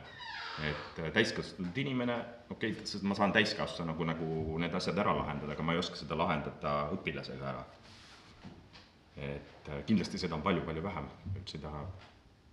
siin seda kaalukausile asuta, asetada kuidagi. aga see on seesama asi, mis ju tegelikult ega, ega, ega teatrikoolis või teatrihariduses on sama asi, et meil ei ole ju praktiliselt äh, õppinud teatripedagooge, professionaale, meil, meil on, praktikud annavad oma haridust ja kogemusi, mida haridust siis, kogemusi ja omandatud edasi Äh, järgnevale põlvkonnale ja see eetika on üks pakett, mis sellega kaasa läheb ja see ka noh, selles mõttes see muutub, et sellest me ei saagi seda kirja panna. ja, ja uskuge, et, et ilmselt need parimad äh, meetodid, kuidas üldse on võimalik koos eksisteerida, ehk siis see eetika äh,, see tuleb sellega kaasa. Jah, see pedagoogiline haridus tuleks muidugi kasuks, mulle tundub, et seal on hästi palju, hästi palju neid punkte ka, mis nagu üldse teatri kohta käivad pedagoogikas, noh et, et seal on nagu need on seotud erialad, et et seda kuidagi võib-olla jah, mõelda, et kuidas seda teatriharidust üldse nagu paremale järjele viia. Mul lihtsalt tuli üks äh, näide, eks ole, ühe Euroopa väga tuntud äh, lavastaja, koreograafi, kunstniku Jan Vagre kohta, teate, eks. noh, kes on ka üle kuuekümne ja noh, ammu oli teada fakt, kuidas ta tegelikult nais, ka oma võimupositsioonilt äh, nais äh, siis osatäitjaid nii-öelda seksuaalselt ahistas. aga ta ikkagist väga pikalt sai tegutseda, kõik justkui teadsid, aga noh, nüüd siis vist pool aastat tagasi tuli talle siis ka ametlik süüdistus. ma ei tea, kuidas ta karjäär nüüd pärast seda täpselt edasi on läinud aga näiteks ma tean isegi juhust, ta pidi tulema ka siia õppima, õpetama CPPM-i raames ma tean, et mõned inimesed ei, ei astunud sellepärast CPPM-i sisse, kuna nad teadsid seda fakti selle inimese kohta, et kuivõrd see ikkagist mõju, muutub või noh, see mõjutab ja samas noh, just see, et ühiskondlikult nüüd lõpuks siis Belgia kohus, eks ole, oli valmis või noh, tehti see otsus, et nüüd siis nii-öelda ühiskondlik eetiline äh, tagala noh, ütles jah, see ei sobi, jah, me otsustame nii, aga noh, see ju toimus, toimis mõnda aega mulle tundub ka, et see on osa sellest äh, mikroorganismist või see, et, et äh, kas, äh, et selle, osa sellest on nii nagu inimesed, kes koostavad kunstilist programmi, kes teevad koostööd, kes teevad näitlejatena koostööd ja et, et mis hetk on see, kus sa ütled, et ma ei taha seda enda tööga toetada või anda sellele jõudu juurde, et, et kuivõrd on need ikkagi eraldi, et ma tean neid asju, aga samas see töö on väga hea, et, et see on nagu, et kas otsus tuleb alles siis, kui inimene on nagu süüdi mõistetud kohtu poolt, kas see on see hetk, kus ma otsustan, et võib-olla ma ei taha selle inimesega koostööd teha? Või et kui palju nagu üksteist reguleeritakse, et mis hetkel võib-olla ühel hetkel ongi, kus see teema läheb sellest mikroorganismist väljapoole, jõuab ajakirjandusse või saab mingisuguse laiema kõlapinna ja siis on nagu see hetk, et okei okay,, nüüd ma võib-olla lõpetan, aga et kuivõrd nagu tundlikud on ka inimesed, kes koostööd teevad või inimesed, kes on teadlikud, aga otsustavad, et et ma ei oska seda kuidagi adresseerida või parem oleks seda mitte teha, sest et ma ei tea, mul ei ole faktilisi põhjendusi või mis iganes need põhjendused on jaa, kuna me oleme sujuvalt jõudnud äh, aega, mil peaks lõppema meie vestlusring äh,, siis äh,, siis võiks teha nagu ikkagi kokkuvõtte, et kui ma alguses äh, seadsin võib-olla siis eesmärgiks, et, et me kaardistaksime selle nagu eetikaprobleemi olemust või ulatust Eesti teatrimaastikul, siis võttes kokku seda, mida mida ma olen kuulnud praegu viimase pooleteise tunni jooksul, et siis ma äh, järeldaks, et tegelikult nagu see teatriprofessionaalide hulgas ei ole nagu mingisugune tohutult äh, põletav probleem või noh, selline nagu mm, juurdunud probleem, vaid et see on nagu jah, individuaalseid äh, juhtumeid on ja see on iga inimese individuaalne nagu vastutus ja kohustus nende eest siis nagu välja astuda või midagi teha, et, et siis, et see inimene ei saaks niimoodi käitumist jätkata. aga millega tuleks tegeleda, on ikkagi nagu need teatrikoolid ja pigem see pool, mis puudutab siis õpetaja ja õpilase vahelist suhet äh, teatris ja teatrihariduses ähm, ja, ja kui me räägime sellest, et kuidas neid olukordi ära tunda, kus, kus siis nagu rikutakse su mingisugust nagu eetilist või, või, või õiglast nagu piiri, et siis, siis noh, jah, täiskasvanute puhul jällegi see on nagu igaühe enda individuaalne piir ja tema enda vastutus, et ta võtab midagi ette, kui seda piiri on rikutud ähm,. aga, aga lõpuks ma võib-olla küsiks siis, et tuleme tagasi selle nagu sama õpetaja ja õpilase positsiooni juurde, et et mida siis, mida teha, kuidas ära tunda seda, et, et tegelikult see ei ole normaalne, mida, mis toimub või et kuidas, kuidas sinuga käitutakse, et et noh, nagu Ene-Liis ütleski, et, et sa ei tea, et kas see, see nagu natuke on imelik, kas ei ole nagu kriminaalne või et see ei ole nagu noh, et mis ma pean tegema, et kas teil on mingisuguseid nagu soovitusi, kuidas ära tunda, et okei okay,, tegelikult siin päriselt ikkagi on mingisugune piir ületatud, ma pean midagi tegema ja et äh, mida teha sellises olukorras mm.? olekski, et, et, et kus sa katsetel käisid selles mõttes, et, et sul oli mingi katsete kogemus, et mis see, mis see oli seal see, mis sind nagu ärritas täpsemalt? veel täpsemaks äh,, äh, okei okay. äh, äh, äh, katsetel äh, kandidaatide peale karjumine, hääle tõstmine piirini, kus nad hakkavad nutma, oli minu jaoks sihuke märk, et võib-olla see ei ole nagu see töökeskkond. kus koolis sa käisid katsetamas? lavakunstikoolis. Ähm, jaa, aga äh, vastates ka võib-olla küsimusele, ma arvan, et, et üks oluline element sellest on see, et kui me räägime teemadest, kui me räägime, meil on arutelu sellel teemal, siis seda lihtsam on tegelikult ära tunda, et kui sa tunned, et midagi on valesti, leida sellele mingisugust põhjendust, et okei okay,, see on tuttav muster, ma oskan sellega võib-olla tegeleda. teiseks, kui ise on raske adresseerida probleemi või nagu minna noh, võib-olla on tõesti raske olla üks-ühele olukorras, kus keegi puudutab sind ebameeldivalt ja öelda, et stopp, palun ära teeni. noh, see on nagu eba, ebaloogi-, mitte ebaloogiline, aga ebatõenäoline, et sa võib-olla seda teha julged, siis on oluline võib-olla tunne, et, et see on osa laiemast arutelust ja inimestel on mu seljatagune, et kui mul on, kui midagi sellist toimub, siis mul on kas sõbrad, kes on nõus minuga koos seda adresseerima või niisugune mingisugune tugivõrgustik, et see teema ei oleks niisugune alien teema, millest räägivad äh, inimesed, kes töötavad feministeeriumis ja ülejäänud on nagu, et see on liiga radikaalne. et kui see on nagu mingisugune, ma arvan, et see niisugune tugi juba aitab selle probleemi lahenemisele kaasa. Aga üksikutest juhtumitest on täiesti keeruline rääkida, et ma ei usu, et need on võimalik panna kirja ja see inimeste taluvuspiir on ka väga erinev. et jah mm. -hmm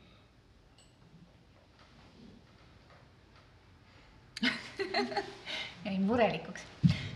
ei, ma mõtlen jah, et see, see õpilas, jah, et see, seal vist peaks ikkagi mingi süsteemi looma nagu selles mm, jah, et, et, et kuidagi teadvustama ka õpilastele, teatrikooli õpilastele siis seda, et nad äh, tegelikult äh,, neil on valikuvõimalused või et ühesõnaga, et see ma ei tea, kuidas seda teadvustada, aga lihtsalt, et, et kursused ja õpilased lähevad ikka õpetaja jälgides, eks ju, ja püüa, no mis millest me alustasime, et nad tahavad meeldida, nad tahavad et, et see väga sõltub õpetajast, mida see õpilane vabatahtlikult teeb nagu, nii-öelda vabatahtlikult. jah, Gert, kas sa soovid? ei, ma ei oska, jah, ma teatrikooli mõttes ma ei oska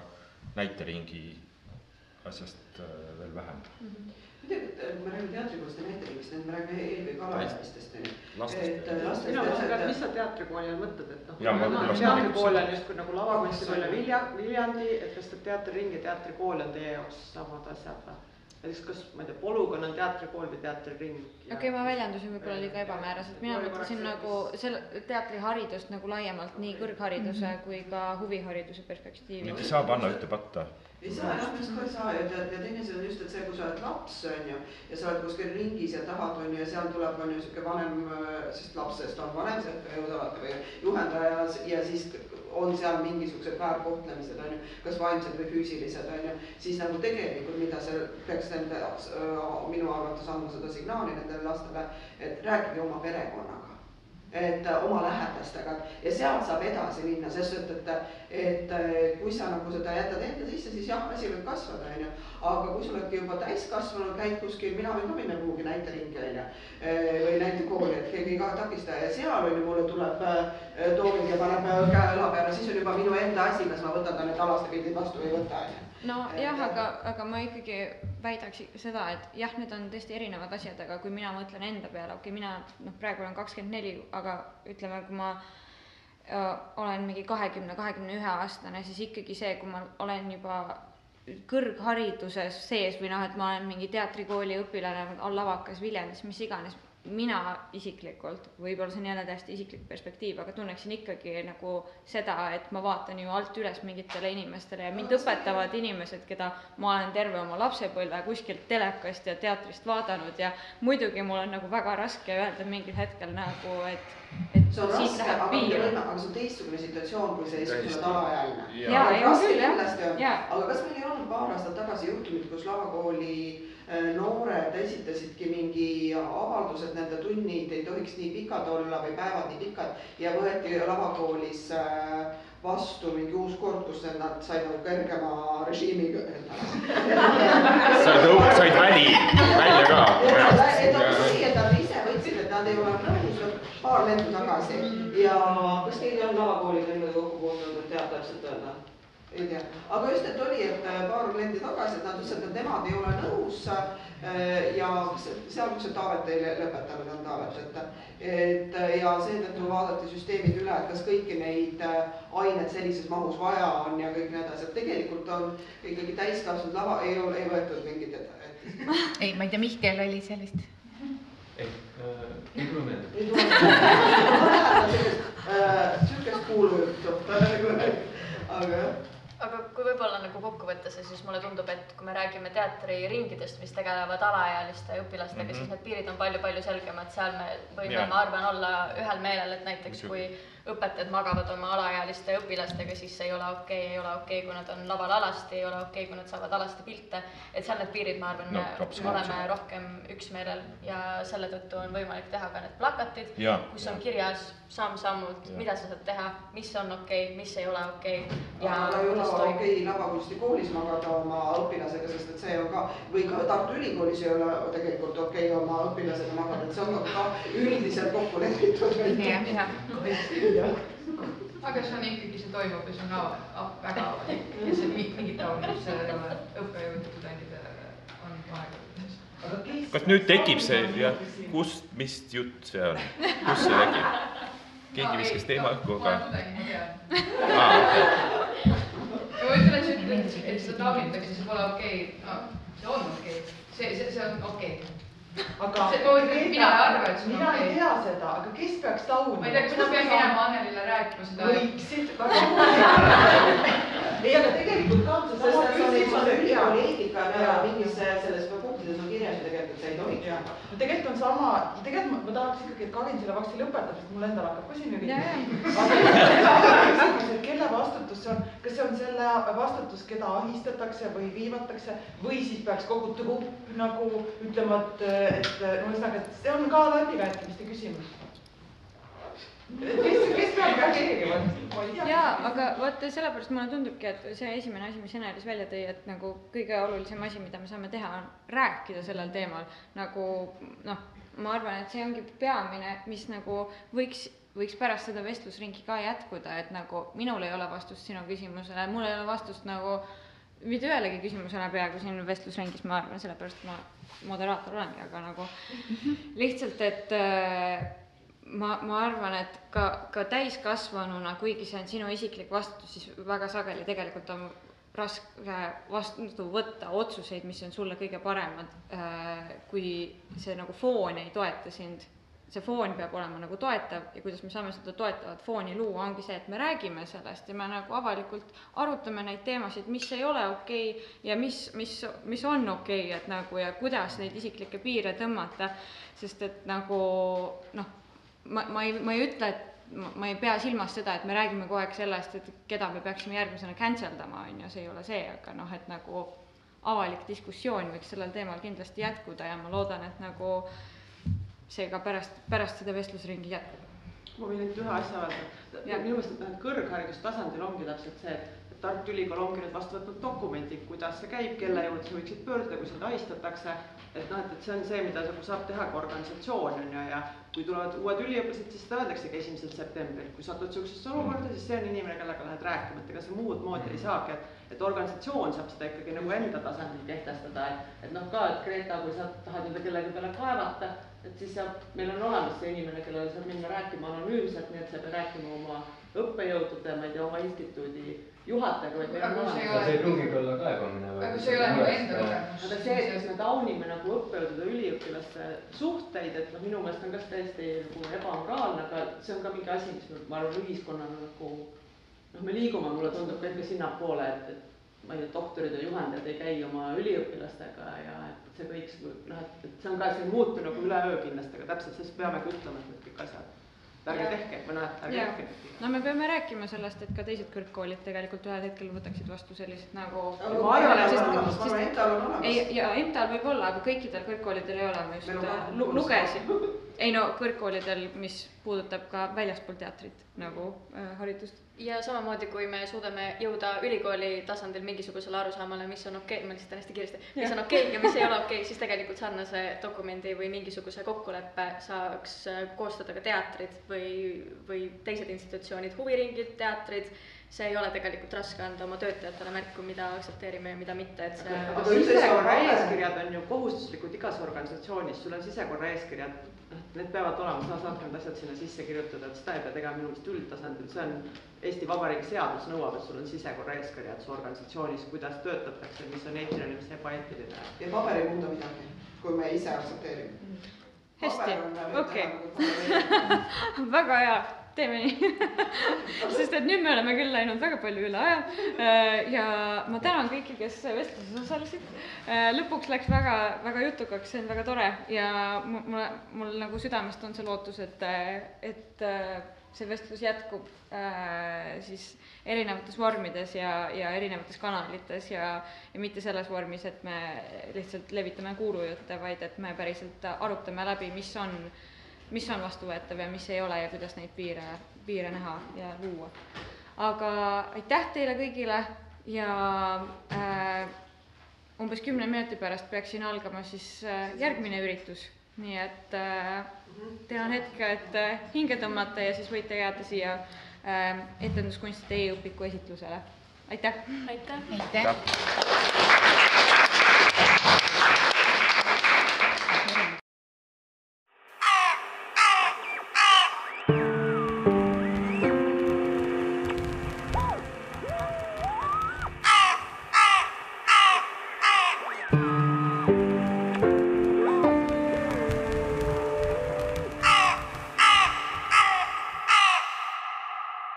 Tartu Hääl